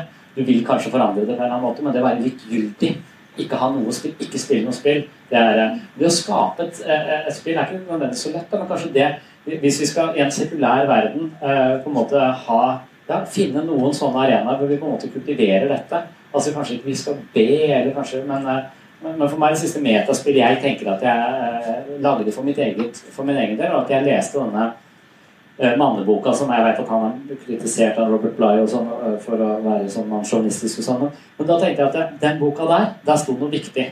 For Det virker som han beskriver menn som ikke lenger hogger i skogen, men som går rundt med bærepose på Sørlandssenteret, grå i trynet. Eh, tenker, det er litt sånn er litt jeg når jeg går inn på Sørlandssenteret. Det er helt grå. Liksom. Så, så denne kraften som jeg ikke finner noe utløp eh, for, fordi jeg skal være så pedagogisk korrekt hele tiden, eh, og ikke bli sint på barna mine sånt. Altså, han, han skrev om det, hvordan han kan kultivere den kraften på en annen måte. Og han skrev det om også ikke forsto det. Jeg skjønte ikke den boka til Robert by Iron John første gang jeg leste den, ikke andre gang jeg leste den.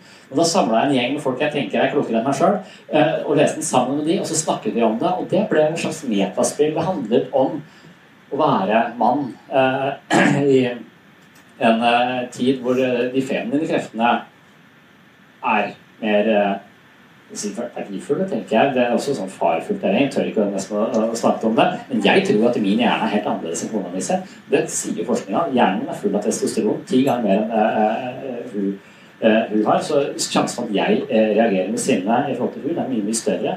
Og det er ikke pedagogisk korrekt. Så min hjerne er jo fra en steinalder hvor det å klubbe folk i hjel eller stikke av var lurt.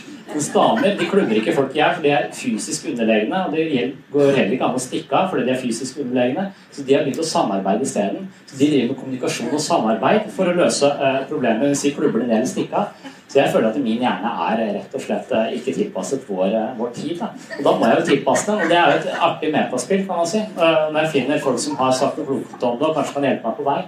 Men det at jeg ikke helt forsto det, lå liksom i periferien av hva jeg klarte å ta inn over meg. Det, det følte jeg bare Det er litt sånn som Bibelen er for meg. Jeg skjønner jo ikke Jeg prøvde å lese den mange ganger og kommet igjennom det, men det er, det, det, er vet ikke jeg skal Så det snakker jeg litt med han pastoren om også. Det er et slags metaspill. Altså, og det er mange historier der som får fortelle om levd liv. eh, Og, og fortelle om kloke ting om det å være menneske. En slags parallell fortelling til de utfordringene vi står overfor. Joseph Campbell snakker om dette. Han er jo sånn stjernen som er Joseph Campbell snakker om, eh, om mytologien. Han er død nå, men eh, altså at han snakker om at de mennesker, altså mytologien er en slags parallelle fortellinger. altså I litteraturen, i kunsten. Det gir oss, det er på en måte støttespillere. Det er akkumulering av menneskelig erfaring som formidles eh, via fortellingene våre. Og han sier at uten mytologi så er livet bare en tilfeldig ansamling av oppturer og nedturer. Mens med mytologi så får det en slags mening. Altså, så, så, det å lese Odyssevs på en måte, og, og, være på reise og komme inn i et trangt sund hvor det står Karibis og Skylla eller hva de heter, disse monstrene på hver sin side Jeg har jo aldri drivet også vært på sånn seilas, men jeg har jo vært i lignende situasjoner. Eh, hos fastlegen, f.eks. Og, og, og, når jeg var på sånn helsestasjon med dattera mi, og de begynner å spørre hvor mye jeg drikker, jeg driver og ljuger litt og sånn, da, da, da, føler jeg Det er ikke et sjuhoda monster, men det er en litt sånn skeptisk lege. Uh, som, uh, så, så det, det, å ha parallellfortellinger, det, det, det å finne fortellinger som, om å være mellom barken og veden, kan det kanskje være å være dette sundet. ikke sant? Og så uh, på en eller annen måte ha disse historiene som, som, viktige paralleller til det store overganger i vårt eget liv. Det tror jeg kan være ganske viktig. Det tror jeg liksom religionen har hatt patent på ganske lenge. altså at men så kommer jo human-etisk form av konfirmasjon. ikke? Lager seremonier rundt de store uh, forandringene i menneskelivet. Uh, som vi trenger kanskje en slags seremoni rundt eller en fortelling om. Som jeg, som jeg tenker er disse metaspillene. Men hvordan skal vi praktisere det? De har jo allerede hver søndag klokka 11 så er det gudstjeneste, og det er uh, babysang, og det er uh, kaffe og kaker og hyggelig samvær og litt dypere samtaler, litt mer personlig. Møte folk som vil deg vel. Ja. Og har humanetisk formel,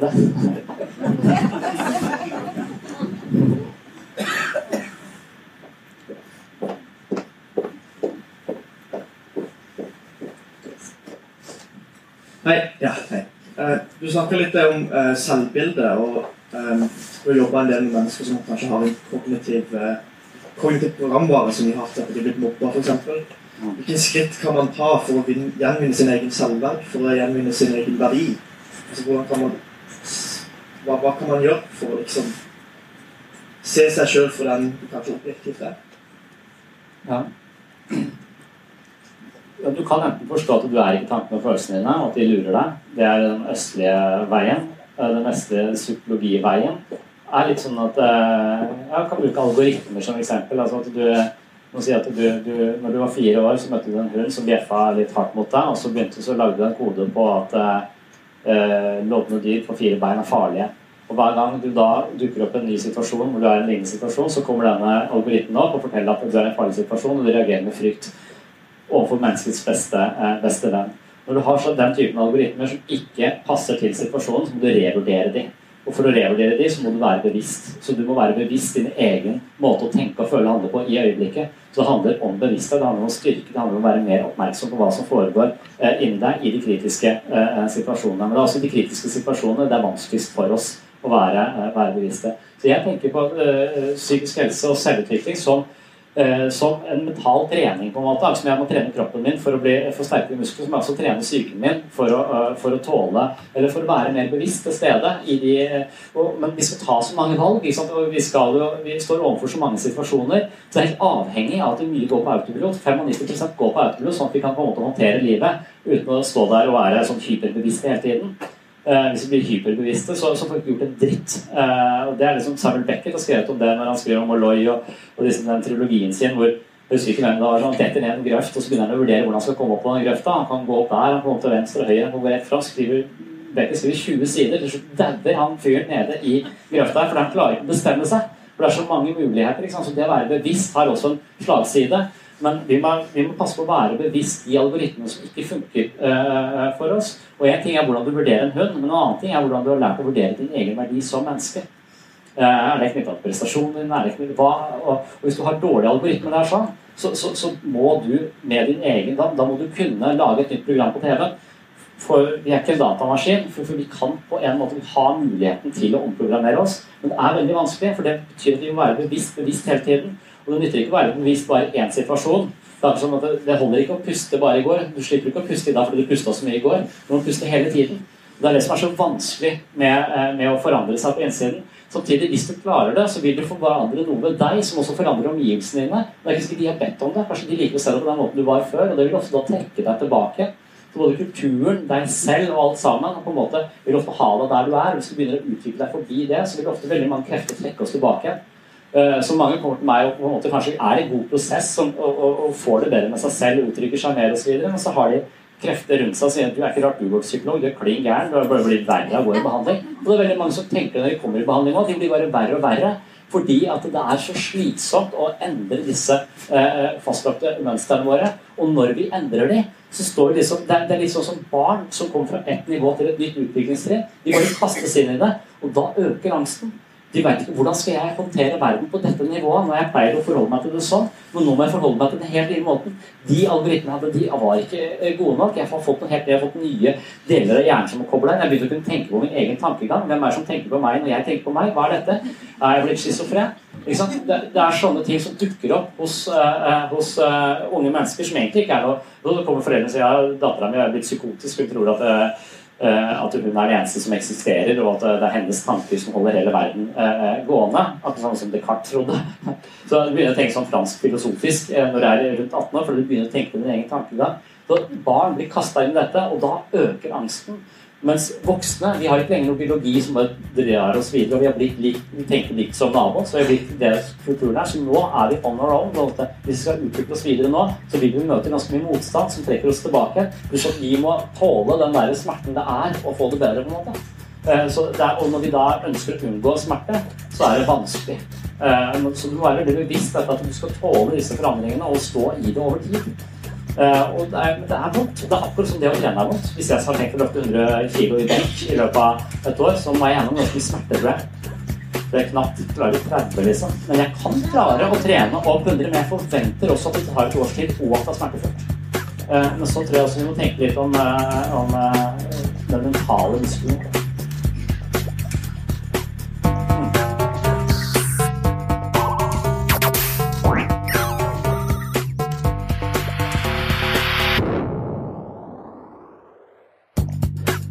Takk for at du hørte på Sinnsyn. Gode skussmål på iTunes er jeg alltid glad for. Det gjør at podkasten blir mer synlig for flere. Dersom du er interessert i hverdagspsykologi for fagfolk og folk flest, håper jeg at du besøker webpsykologen.no og anskaffer deg bøkene jeg har skrevet om dette temaet. I boken som heter Selvfølelsens psykologi har jeg skrevet et helt kapittel om valgets kvaler. På gjenhør i neste episode.